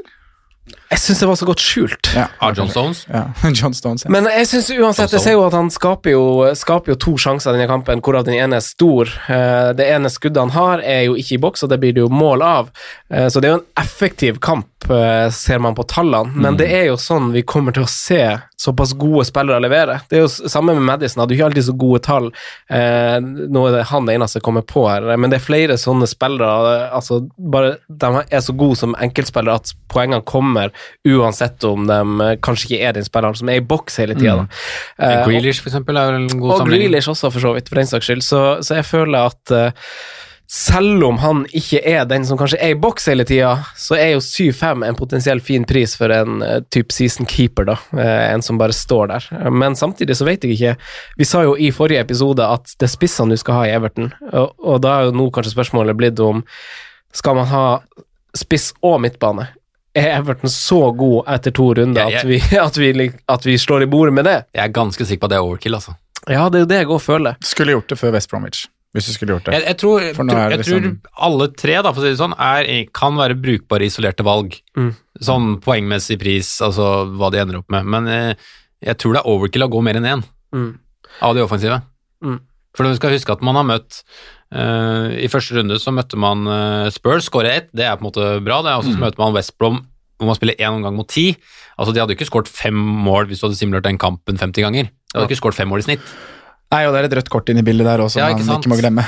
Men eh, da, vi, har, altså, vi har jo en det. Vi har jo spillere i hvert segment her. Vi har jo Richarlison som er dyrest der, overlegen på skudd, i, skudd de, de første to rundene Mm. av samtlige spillere. Tolv skudd totalt, ti av de i boks. Eh, det er jo, altså De skuddene i boks er jo like mange som de som har mest, mens tolv er jo tre mer enn nestemann på lista. Eh, men så har vi jo eh, Dominic Calvert-Lewin nederst, og så har vi J. J. Rodriguez, holdt jeg på å si. J. James Rodriguez i midten der. Hvordan rangerer vi hvis man kun, eh, kun velger én? Ser man på eierandel? Ser man på Jeg lurer nesten på at man må se på Eller at det blir pris for min del, altså. Ja. Når man skal stable her nå på wildcard. Fordi penger har så mye å si. Vi lever i et eh, økonomisk samfunn nå. Vi må Er det bare å trekke et lodd og stå for det? ja, tenke litt det. Vurderer du ikke to på altså no, Du kan ikke ta to spisser, da, men velger du ikke James Rodriguez i tillegg til Calvert-Lewin? Nei, James Rodriguez blir i en Jeg kommer nok til å ha med en i den priskategorien, eller prisklassen. eh, men jeg lurer nok på om jeg kanskje kommer til å vurdere Harvey Barnes over, altså. Ja. Og der er det jo 0,5 billigere òg. Jeg støtter deg på den, jeg. Ja, egentlig jeg også, når man går for Calvert-Lewin, men eh, eh, det er lovord til de som gikk for, eh, for James Rodriguez før denne runden her, men jeg, Og også, jeg, også, jeg står fortsatt på det at jeg liker spissene bedre. Men, Sånn- men jeg hadde gått Richarlison hvis han hadde vært midtbane, eh, så hadde da Richarlison vært først. ja, ja, ja, ingen tvil. Ingen tvil. Altså, han er så bra. Ja, jeg Altså, jeg sa det til dere, så jeg kan godt si det også. Jeg tror det er den beste spilleren Everton noen gang kommer til å ha i troppen sin. Og det mener jeg ikke fordi at eh, for å rakke ned på Everton eller noen ting. Jeg mener fordi Richarlison er så jævlig god til å spille fotball, og han har alt. Altså, dette er Barcelona, Barca-mat. Madrid-mat eh, til neste sommer, altså. Men det, jeg blir liksom aldri helt klo Eller kommer aldri til å stole helt på Calvert Lewin. Det er det som, er litt, som gnager litt på meg her. da Avslutningsferdigheter. Det er bare et eller annet der som jeg syns fortsatt er Det er, så, det er litt uferdig, da. mm. Det er den eneste haken. Ja. James Rodriguez er en mye bedre fotballspiller, og du Ja. stoler mye mer på ferdighetene. Ja. Så er spørsmålet om han kommer til å være ja, Om det er for mye Madison-vibe over det, da. For mye tredje sist. Det er der jeg fikk, jeg fikk en god vei på Dominic Calvert-Lewin, og det er jo det, hvis man ser bak tallene, men ser kampene, ser hvordan posisjonene han ligger. Yes. Han er jo den åpenbare, åpenbare nieren, Ja, ja, ja. og han kunne jo også i kampen mot Tottenham blitt spilt på blankhold av Richarlison, men, men blir jo ikke det. Nei. Så han ligger jo der man vil han skal ligge, og det er jo sånn stats ofte ikke tar med seg, da. Det ser du jo på, på XG-en på scoringen hans også. 0,94-0,98. Ja. Altså det er 100 sjanse, es liksom. på blank, ikke sant. Han blir spilt opp på de, og det er jo grunnen til at man kanskje vil ha han, at han får de sjansene. At det er han som er i midten. Men uh, ja. Ja, Nei, men eh, det er jo riktig tidspunkt for Everton nå, så det er jo bare å, å, å kjø... Altså, enten så, så sporer toget av. eller så går det riktig vei, men alle de andre gjør det, så det er riktig tidspunkt. Ja. Det riktige tidspunktet var kanskje før West Bromwich, men det Kommer er ikke for seint. Kommer til å få med deg penger òg, hvis du hopper på nå. Ja. Eh, siste lytterspørsmål er fra Erlend Ryvold Ski på Facebook. Hvis man ikke gikk Mané Nei, hvis man gikk Mané foran Sala i Gameweek 1, og så bytta han bytte han og Son ut for William og Fernandes til minus fire i Gameweek 2. Kan man like gjerne bare drite i resten av sesongen, svi av Alta-chips på rad de neste fire rundene, og bare få følelsen av å klatre litt før man går inn for historiens hardeste krasjlanding. og tilbringer resten av sesongen gråtende i fosterstilling i dusjen. Eh, han spør for øvrig for en venn. så, så hvis du tror du har det tøft, så er det som regel alltid noen som har det tøffere. Eh, hvis du er av den typen hvor Fantasy Premier League kan ødelegge dagen, helga, forhold osv. Men vi må snakke litt must på wildcard, og det er kanskje også aktuelt for man som bare ser på et enkeltbytte, et dobbeltbytte, for vi ser framover. Eh, det her er den delen eh, jeg liker å ha dere til, gutta, for her eh, har dere en sterk historikk på å være god og se framover, og ikke bare se på hvem som leverte denne helga og vurdere om det er godt nok eller dårlig nok, men vi ser på, på litt toppdogs, på litt bunndogs, billige spillere, kampprogram. Gjerne krydre med litt stats. Det er, det er den gode delen. Eh, eh, jeg vet ikke helt hvor vi skal starte, jeg skal være ærlig, Simen. Uh, hvis vi starter litt på Se litt på kampprogram, kanskje? Mm. Hva, hva, hva vil hva, altså, Eller et navn, Simen, du vil snakke opp litt? Få høre. Kjør. Et navn jeg vil snakke opp litt, altså um, ja, Nå fikk jeg Sondre. Ja, ta Sondre, ta Sondre først, for nå visste jeg ikke hvor jeg skulle starte her. Nei, eh, Kampprogrammessig så er det jo Vi har jo nevnt noen av de lagene allerede nå, da. Med, med Everton. eh, Et annet lag som også har et eh, sånn, litt sånn humpete, men jeg syns det er litt sånn småfint program, er jo egentlig Er jo egentlig Leicester. I løpet, de, I løpet av de fem neste kampene så har de jo både City og Arsenal, men de har også Westham United, de har Aston Villa og de har Leeds. Så det er fine lag. Men uh, vurderingen nå, hvis jeg er liksom wildcard og tenker det som utgangspunkt, da, så er jo den store vurderingen hvordan vi skal løse Top Dogs-kabalen. Mm. Uh, og den sitter jeg jo i selv. Uh, vi skal ha en veldig fin mandagskveld i, dag. Vi skal se på Manchester City. Vi skal få svar fra Manchester City. Kevin De Bruyne, Raheem Sterling går inn i Premier League-sesongen i dag. De møter Wolverhampton. Etter det så har de Leicester, Leeds, Arsenal Westham United. Jeg har jo veldig lyst til å ha med uh, to premiums fra Manchester City. Og eventuelt, hvis man bare skal ha en av de, hvem skal man gå for? Salah blir jo med videre på, på et wildcard. Uh, veldig fint kampprogram. Arsenal, Villa, Everton, Sheffield United, Westham United. Sala må bare stå. Så det store spørsmålet her er jo Abomayang, uh, og er tiden kommet for og Jeg syns du egentlig sa det litt fint på Patrion-episoden, Franco, hvor vi hadde en liten, var innom temaet her nå. Uh, det er ikke godt å dumpe Aubameyang nå. Eh, det ble kanskje litt enklere etter en svak match nå mot Westham United, men det var liksom hele Arsenal var litt eh, Eller ganske dårlig, rett og slett. Eh, men jeg tror fortsatt Aubameyang kommer til å få målpoeng, og blir jo nesten en liten diff, sånn som han kastes av nå. Men her er jo da kapteinsemnet oppe og kan være litt avgjørende, tenker jeg. Det er Liverpool, det er Sheffield United, det er Manchester City, det er Leicester og det er Manchester United i løpet av de fem neste kampene. Men er ikke det egentlig det beste motargumentet? At han er god mot gode lag? Nei, at han, kaptein, at han har et veldig fint kapteinsemne i runde fire, hvis øh, du ikke vil kaste den, med tanke på at City ja, jeg, er bortematcher. Jeg vurderer jo City-spillere borte mot Leeds United ja. veldig mye bedre kapteinsemner. Uh, og egentlig Villa, og, eller Liverpool, da, som har Villa, selv om jeg spår at Villa var bra defensivt i år, men uansett, de møter Liverpool, det har ikke så mye å si. Så både City og Liverpool har jeg over i den ja. runden der også, altså. Men samtidig, hvis man først skal droppe Aubameyang på noen tidspunkt i sesongen, så er det nå. Så er det nok nå, ja. Fordi ja, i, i, løpet av de neste tre kampene så er det vel Liverpool og City borte, og, det er jo de, og den United-kampen som du henviser til, Sondre, er jo også på bortebane. Så det er jo potensielt uh, to av de verste kampene unnagjort. Altså hvis det er en fase av sesongen du ikke skal ha, så er det nå. Ja, jeg mener det. Og så kommer det spillere inn her nå som, som, har fine kamper, så det er veldig naturlig, selv om man har levert to kamper på rad, å bare gjøre det, uavhengig om du skal kapteine han eller ikke. Men jeg kikka litt på angripere også, som møter lag som har vært svakt defensivt de to første rundene, og da har jeg sett på, på Fantasy Football Scout på lag som har masse skudd mot seg i boks, og store sjanser mot i boks, og da må man ha litt i bakhodet at det har vært litt røde kort involvert og litt sånt, men mm. West Bromwich, Leeds, Fulham, Southampton og faktisk Tottenham Eh, ganske ræva tall eh, defensivt, og da må man se litt på hvordan offensive spillere møter de her. Chris Wood og Burnley han møter tre av fire eh, de, de, neste fire kampene. Eh, Chelsea møter en del av disse lagene. Villa har tre av disse lagene på de sine neste fem, og så klart Wolverhampton. Mm. Eh, så jeg tenker jo at hvis man spiller litt kampprogram på, på ganske tynnbasert data og velger angrepsspillere, så er kanskje det det er litt riktig å legge disse inn i vurderinga, i tillegg til City, så klart, som vi vet at de har jo ikke dårlig kampprogram. Eh, Nei, Men jeg er igjen spent på Gabriel Jesus, Ferran Torres, Phil, Phil Foden. Foden og da må man stille spørsmålet Phil, Phil Foden, Sondre. Ja. Uh, hvis du tar utgangspunkt i at han koster 6-5, mm. som han gjør mm. uh, at, at, han starter 20 kamper denne sesongen. Mm. Eh, er du fornøyd med det? Og at han kommer inn og spiller en halvtime, er det verdt det i, at han kommer inn og spiller en halvtime i, i, i resten, da, som fremst han er skadefri? da? Ah, jeg, nei, jeg syns jo egentlig Jeg vil jo ha spillere som spiller mer enn det, da. Mm. Men det er litt annerledes med City-gutta. Jeg syns det er vanskelig å svare på. Mm. Mm. Man kunne, men skulle man starte han hver kamp? Er det det du tenker? Ja, Eller skulle man benket han de kampene Nei, jeg tenker, jeg tenker å starte han mest sannsynlig trodde at han kom til å starte på benken? Ja, for det er lett å finne ut. Nei, men det er, det er litt mønster i det av og til.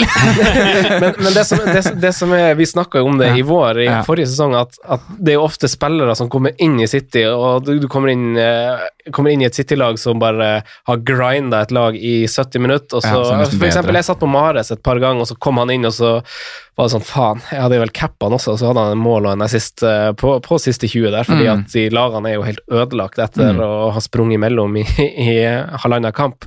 Så, så, det holder kanskje. Det, det er kanskje det som er spørsmålet. Holder det å ha en Foden som spiller i en halvtime i ny og ne, for prisen av 6-5?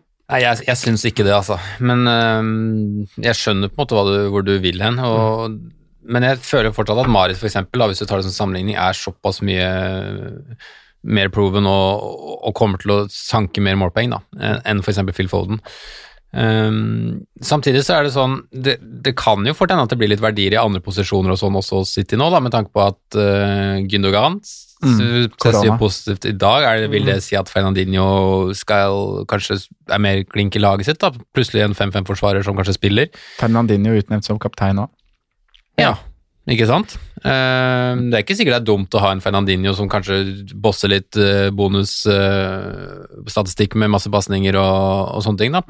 Eh, samtidig som det blir ikke så mye målpenger der, da. Og så blir ikke så masse bonus heller. Når de skårer syv mål i altså.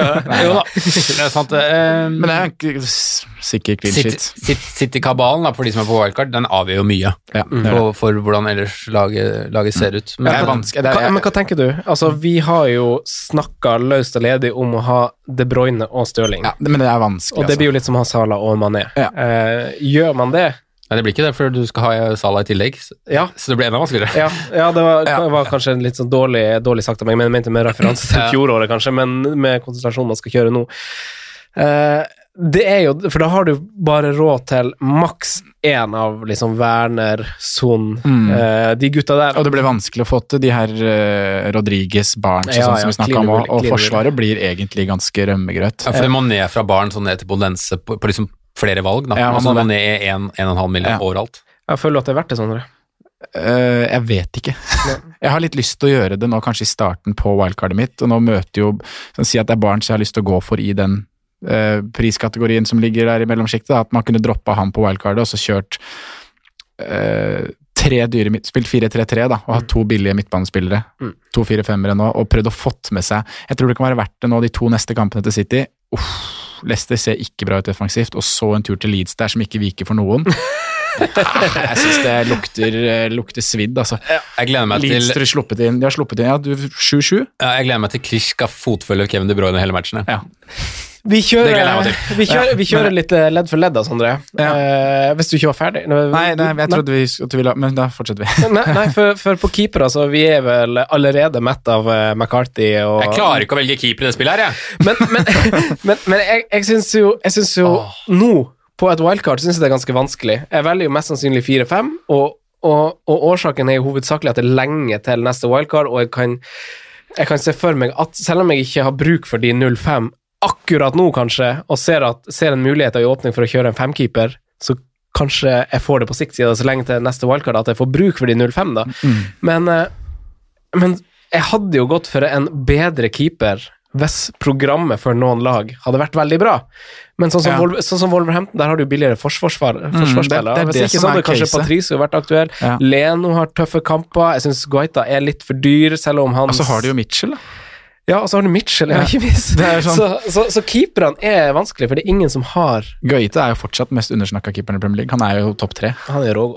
men, hva- men hva tenker du om keeperplassen? eh, Han Mamadou Sakho til 4-5 år. Mm. Hva tenker du om keeperplassen, eh, Sondre? Nei, jeg har egentlig bestemt meg der, jeg. Og nå skal, jeg ikke, nå skal ikke tid bli en felle akkurat på keeperplass. Der skal jeg bare kjøre dobbel Aston Villa-keeper. Martinez og Ørjan Nyland. Ja. Ja, jeg syns uh, kampprogrammet Jeg skulle gjerne hatt med Sheffield United i kveld, da, men uh, Fulham eh, og så to kamper hvor de redder masse, og så blir Leeds Southampton Det skal ja, det Men der greit. ser du framover for et lag vi ikke har sett engang, Ja. og bare ser litt på Men det er, det, er, det er ikke kjempebra program, altså, for de har to tøffe kamper i løpet av de, eh, løpet av de tre neste. Da, hvis du Det er fine hjemmematcher, egentlig, bortsett fra Liverpool-matchen. Ja. Ja, det er jo sånn, På wildcard så er det litt ulike måter å se på det, syns jeg. Fordi jeg, jeg prøvde å se på en måte å få en boost også, og bare Mm. kjøre en keeper som har to-tre fine kamper nå på Også, rappen, og, og satse på å få noen raske clean sheets, men Ja. jeg klarer ikke å finne det. Nei, for det er det man vil jo, hvis jeg, Ideelt sett så ville jeg satt på Martinez kanskje til uh, Gameweek 6, da. Ja. Venta, så, fått en boost med tre runder nå, men det er sånn kjedelig å skulle gjøre et keeperbytte da. Da ender det fortere med at du aldri gjør det byttet. Mm. Så blir han keeperen du har valgt nå stående. Og hvem som du sier, hvem er det som skal gi deg det boostet nå? Det er ingen 4-5 som kan gjøre det. Ryan, da, Simen? Holdt det nullen på bortebane nå? Det verste, er jeg, det verste er at jeg sitter nå og tenker at Ryan kanskje er det beste 4-5-alternativet på spillet, og så satt jeg og erga meg han over i 38 runder i fjor, eller 36 som jeg hadde nå. Det er jo Nei, jeg kommer aldri til å klare å gå tilbake til Matt Ryan, altså. Det er jo noen fine Altså, defensive Den kamper eneste der. kampen omtrent jeg ikke fikk med meg med Matt Ryan i fjor, det var ti poeng av Paul Trafford. Ja. Det var, resten satt jeg med én og to og rømmegrøt. ikke sant? Det var øh, Nei, jeg tror Sondre er inne på noe, ja, at uh, et litt nytt Villa som vi så post korona. Bedre keeper inn der. Ja. Eh, kanskje en bedre høyrebekk som kanskje gjør at Forsvaret også blir liksom enda mer fundamentalt. Fått en sesong, beholdt Jack Reeler. Altså, de har jo en brukbar tropp. Jeg tror bare Villa kan se det framover, og jeg tror det blir flere clean sheets. Så mm, Samme her. det, ja, Jeg tror også Villa blir Villa har gjort eh, Og så kom plutselig han Bertrand Traoré inn der. ja, Hva i alle dager? det, de har gjort et så bra vindu, syns jeg, Aston Villa nå. Ja, det, det har jeg litt tro på at kommer til å bli bra. Og det er faktisk ingen keepere som kan booste de tre neste rundene. Det Nei, er det er ingen det er ikke- det er fristende. Eller sånn, Den jeg faktisk faller ned på jeg ville tatt en sjanse på, det er faktisk Areola i Fulham. Ja, og de er jo drit. De møter tre lag i løpet av de fire neste som ikke kommer til å skåre mye mål i år. De har både Villa, Sheffield United og Crystal Palace Mm. i løpet av de fire neste kampene. Mm. Men Fulham kommer ikke til å holde clean shit det ikke sant. Eh, forsvarere, da, Sondre. Det er jo det, altså, På samme måte som man bygge litt ut ifra fra City-gutta, så, så snakker man også litt og bygger litt ut fra Robbo Trent-løsninga. Vi har eh, jeg hadde en rød tråd gjennom podkasten her, nevnt liksom skutt inn at det har vært eh, litt lav XG Mm. favør Liverpool. Eh, hva er dine tanker her, og hvem bygger man rundt med? I tillegg til Wolverhampton, det kan vi også legge død, for der vil jo også være Ja, investert. Der har vi snakka at det vil være investert, eh, i hvert fall med én, kanskje også med to. eh, Men dette blir jo dyrt. Det kommer til å koste penger. Men Liverpool er et Jeg har jo litt lyst til å bygge rundt to der. Jeg bare banker inn både Trent og Robbo. For da tenker man langsiktig. Eh, greit Arsenal nå, men så kommer jo rekka Villa, Everton, Sheffield United, Westham United. Så toppoppgjør mot City, og så er det en kjempefin rekke igjen. Og da med lite data, men selvfølgelig XG-en er god, eh, de ser bra ut defensivt. Eh, Og Robertson har jo, som eh, ble snakket bra om her forrige uke, også nevnt i stad, han, ser jo bedre ut enn Trent. Så syns Robertson ser bedre ut enn noen gang. Ja. ja, så Ideelt sett skulle jeg hatt med begge de to på wildcard, for jeg kommer aldri til å være Det kommer aldri til å være Sala og Mané uh, på midtbanen, da, i de kommende rundene. Nei, Med Thiago inn så drepes egentlig den, noe man håper på i Keita også, fordi Ja. at det blir enda mer rotasjon i det leddet der. Riktig. Uh, ingen av de andre kommer til å, av de offensive kommer til å noen gang være aktuelle. for Jeg jeg var enig med deg, jeg kommer aldri til å ha begge de to, Nei. med mindre på, kanskje på et free hit, kanskje på et wildcard og en helt på slutten, men Mm. ikke før det. Nei. Og da har man også mulighet, da, hvis man kjører begge de to gutta, så har man også mulighet til å justere seg ned til uh, Tierney, til Chilwell, til de spillerne der som man uh, Som vi har snakket om at vi kommer til å ha lyst på på et eller annet tidspunkt i løpet av sesongen. Jeg har eh, notert meg Var du ferdig? Ja, nei, Ja, kjør. kjør. Det hørtes ut som du var ferdig. Nei, det er jo noen billigforsvarere òg, Sondre, som vi må bygge med. Og der syns jeg jo, som før sesongen, at at det har åpna seg noen muligheter igjen, da. Eh, altså, tidlig, tidlig i dagene så var det sånn Wow, så mange gode fire-fem-forsvarere, og så kom vi til liksom mot deadline, og så var det kanskje ikke så fristende lenger. Men eh, nå har vi Charlie, Charlie Taylor, hadde seg en assist til eh, Chris Wood. Vi har Mitchell, som leverte assist nå. Det var jo langt ifra ferdigskåra, men vi tar den.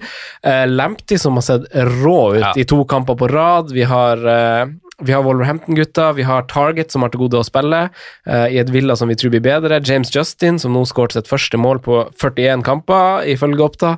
Uh, det er en Flere del- touch i boksen Jamie Warley, da. Det han har det, ja. Ja. Det hadde vel alle sikkert i kampen. alle leserspillere. Jeg tror det var tre touch han hadde, så det var ikke så mange. Ja, riktig. Hva, hva tenker du om billigforsvarere, du, eh, Simen? Vi fikk jo en 4-0-forsvarer som golla i går, da. Jibby Dunn. Ja. Jeg tror det er til Richard. Eh, Det veit jeg ikke. Det har jeg ikke gjort researchen min på. Men det, det, det tviler jeg på når jeg tenker, tenker meg om nå. Ser man har store blå øyne. Altså, han, Nei, Takler eh.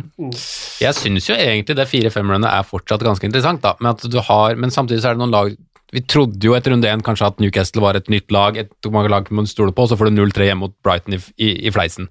Altså, det, det er jo sånne typer lag vi plukker fra, som vi kan ikke konsekvent stole på de. Og da må du kanskje velge de da som har offensivt potensial i 4-5 for at det faktisk skal være verdt det.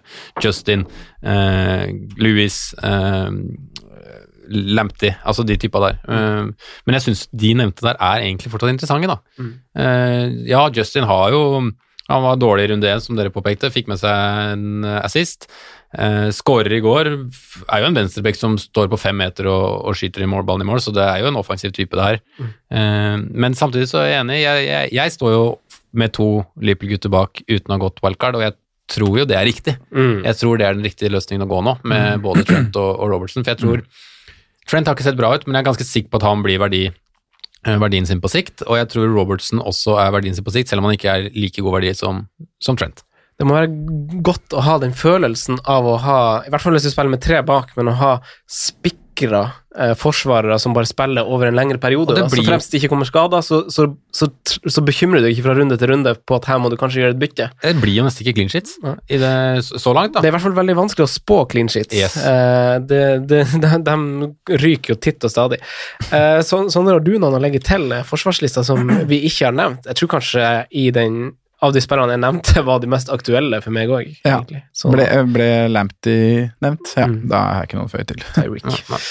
Eh, midtbana da, Sondre. Da kan vi jo eh, Mm. Kan vi kaste ballen til deg først, med du med Barents der, skudd Ja. i boksmannen. Han bosser stats, altså. Mm. Så til de grader òg. Det er eh, to spillere foran. Det er Salah og Richarlison på, på skudd. Ellers har han ti skudd. Alle skuddene i boks, fem av de på mål. Det, han ser bra ut. Så jeg tror han kommer til å være en liten season keeper. altså. Jeg tror fort han kan få en kjempesesong. Um, men ja, Det midtbanen er årets Ayose Perez. I know it. Ja. Men Season keeper. Men eh, nei, vi snakka jo om de dyre, da. Vi tok jo de litt. Så du må egentlig bare gjøre en vurdering på, på stabling av middelbruk her, da. Så er det jo noen fire Det som er naturlig å gå på wildcard nå, er to. Eh, Sala pluss Kevin og eller Stirling.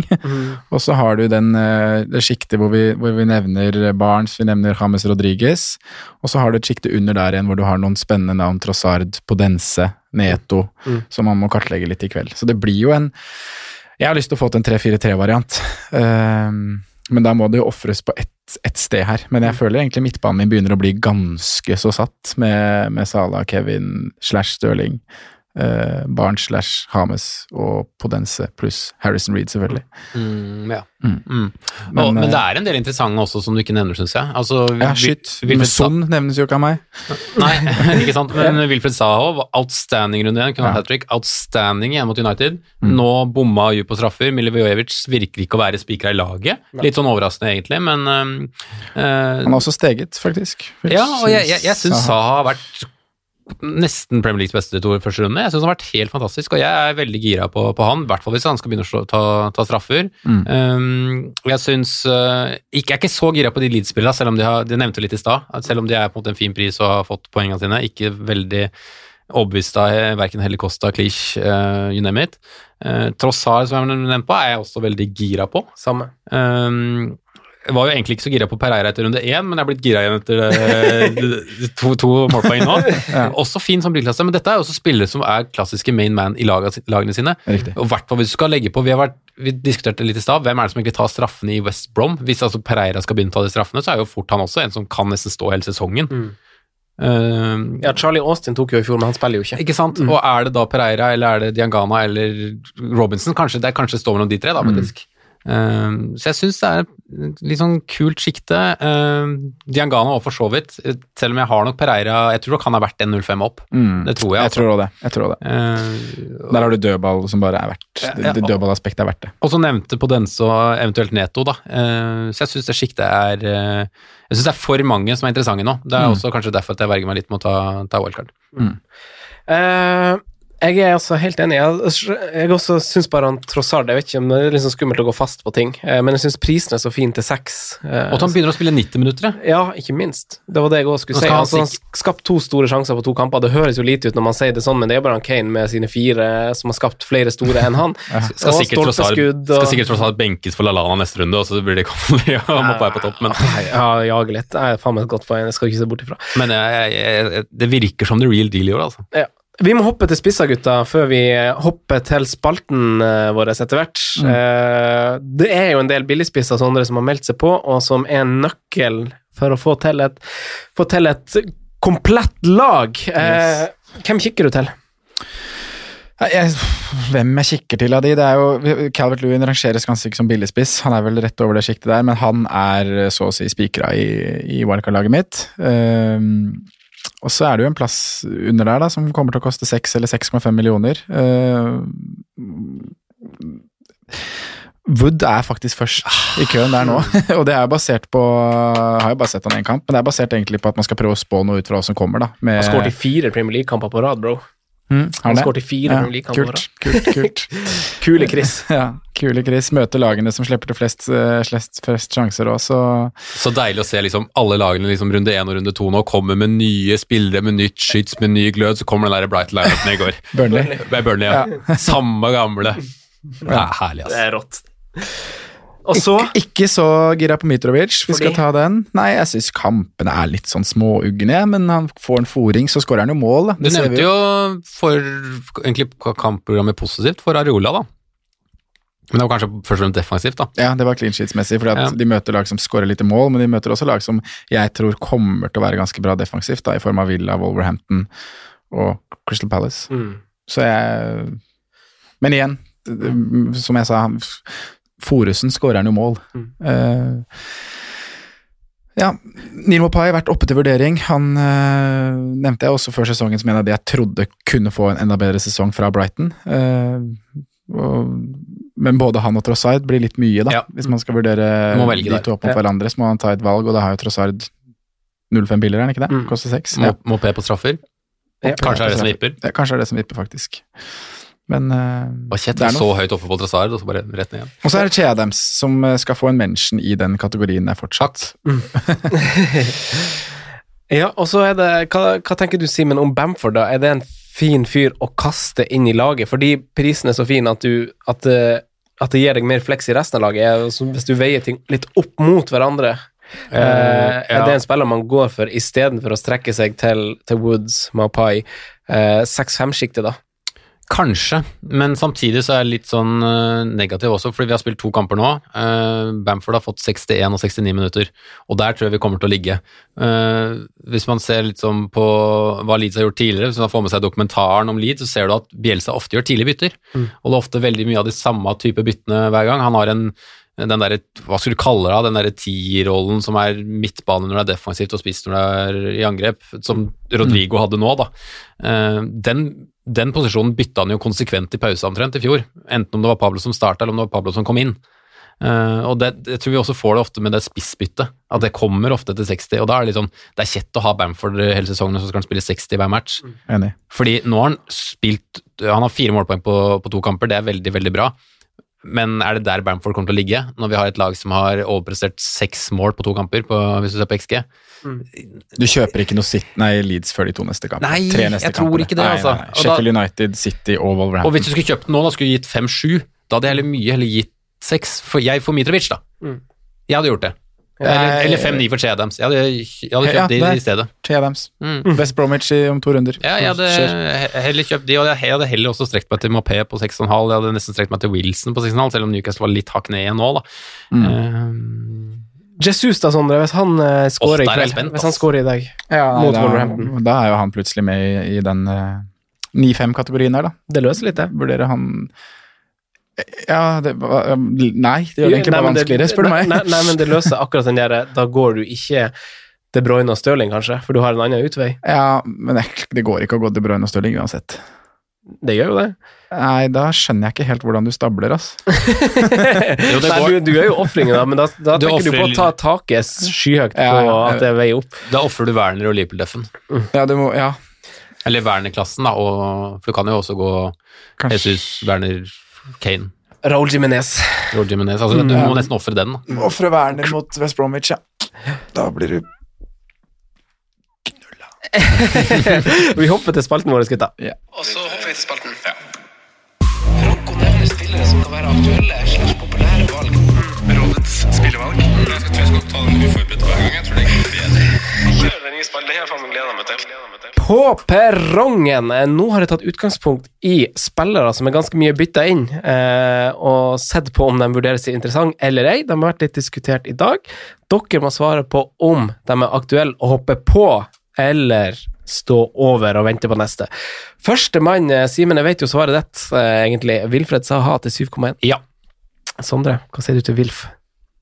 Ja, syns ikke den er så halvgæren, jeg.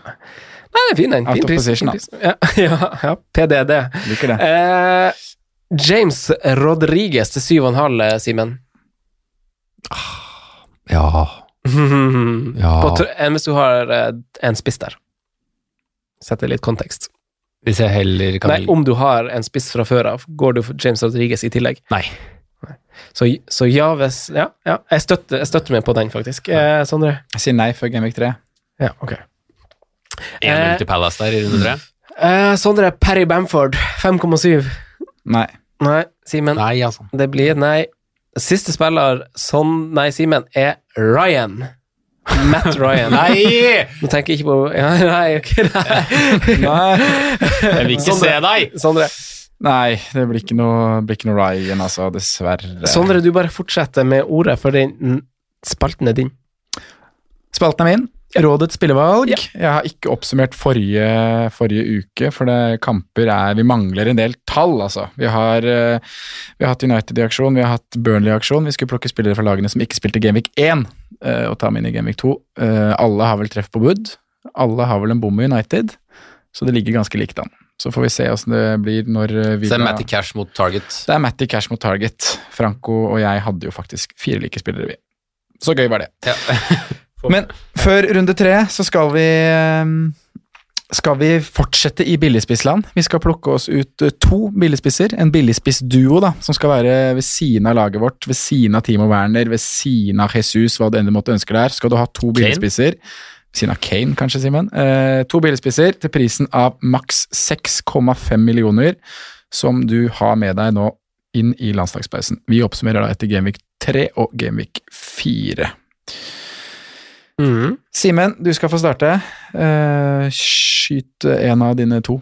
Chris Wood. Chris Wood. eh, Franco. Chris Woods. Chris Wood. eh, Og Sondre har også Chris Wood. Mm, klart han har. Og da er vi vel ganske like også kanskje på nummer to. Simen? Che Adams. Ah, jeg har også Che Adams. Det er jo veldig gøy å ha konkurranse i denne podkasten her. Vi er jo så forskjellige. Altså, jeg droppa Mitrovic pga. Har du også Wolverhampton. Adams? Det. det er bare pga. West Bromwich-matchen. Ja, ja, det var Williams Bromwich-kampen. Jeg trodde vi skulle få noe Mitrovic her. Jeg trodde vi Ja. skulle, noen skulle prøve litt med Neil Mopai. Jeg, lik, jeg liker den Villa-kampen til Fulham, men så misliker jeg den Wolverhampton borte. Det er altså på to kamper. Det, ja. Men det er jo Vi er ganske samkjørte, da. Folk er ganske lett å lese hva vi egentlig mener er de beste billedspissene i kommende kampprogram. Ja, det er sant. Ja, Det er så sant. vi går til Chris Wood, og vi fortsetter faktisk i Southampton. Selv om jeg sitter og sier at man må lasse av Southampton, så tror vi de kommer til å skåre mål. Mm. Ja, Shadams Adams 5-9. Kjør. Takk for at dere lytter, folkens. Lykke til med neste runde, og i kveld, om dere skulle ha noen stående igjen. Simen, vi har eh, Nyland i mål. Vi håper han får eh, Det hadde vært så deilig, det. Å få inn Nyland med clean shit der. Oh. Det som er kjipt, er at hvis han spiller, så ryker clean sheeten. Takk for at dere kom, gutta. Ha det bra. Nå har vi starta. Fantasy. God evening.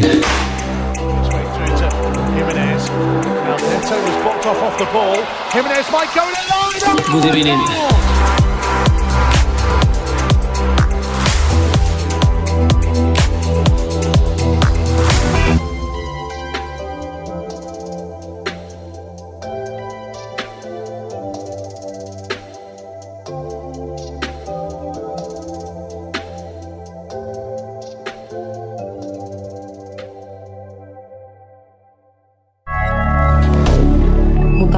Media. Ukens annonsør er Folio, en smartere banktjeneste for deg som har en egen bedrift eller ønsker å starte for deg selv. Folio er en superenkel nettbank for bedrifter. Som kunde i Folio får du en bedriftskonto med et bedriftskort og app. I denne appen er det smarte løsninger som forenkler regnskapet ditt, uansett om du har en liten bedrift eller et enkeltpersonsforetak.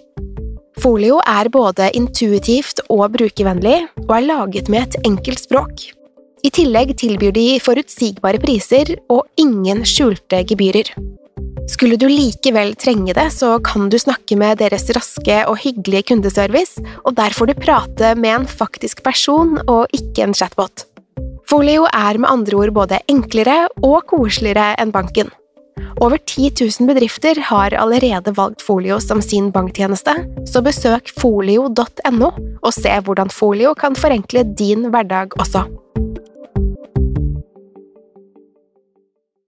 Har du et enkeltpersonforetak eller en liten bedrift? Da er du sikkert lei av å høre meg snakke om hvor enkelt det er med kvitteringer og bilag i fiken, så vi eh, gir oss her, vi. Fordi vi liker enkelt. Fiken superenkelt regnskap.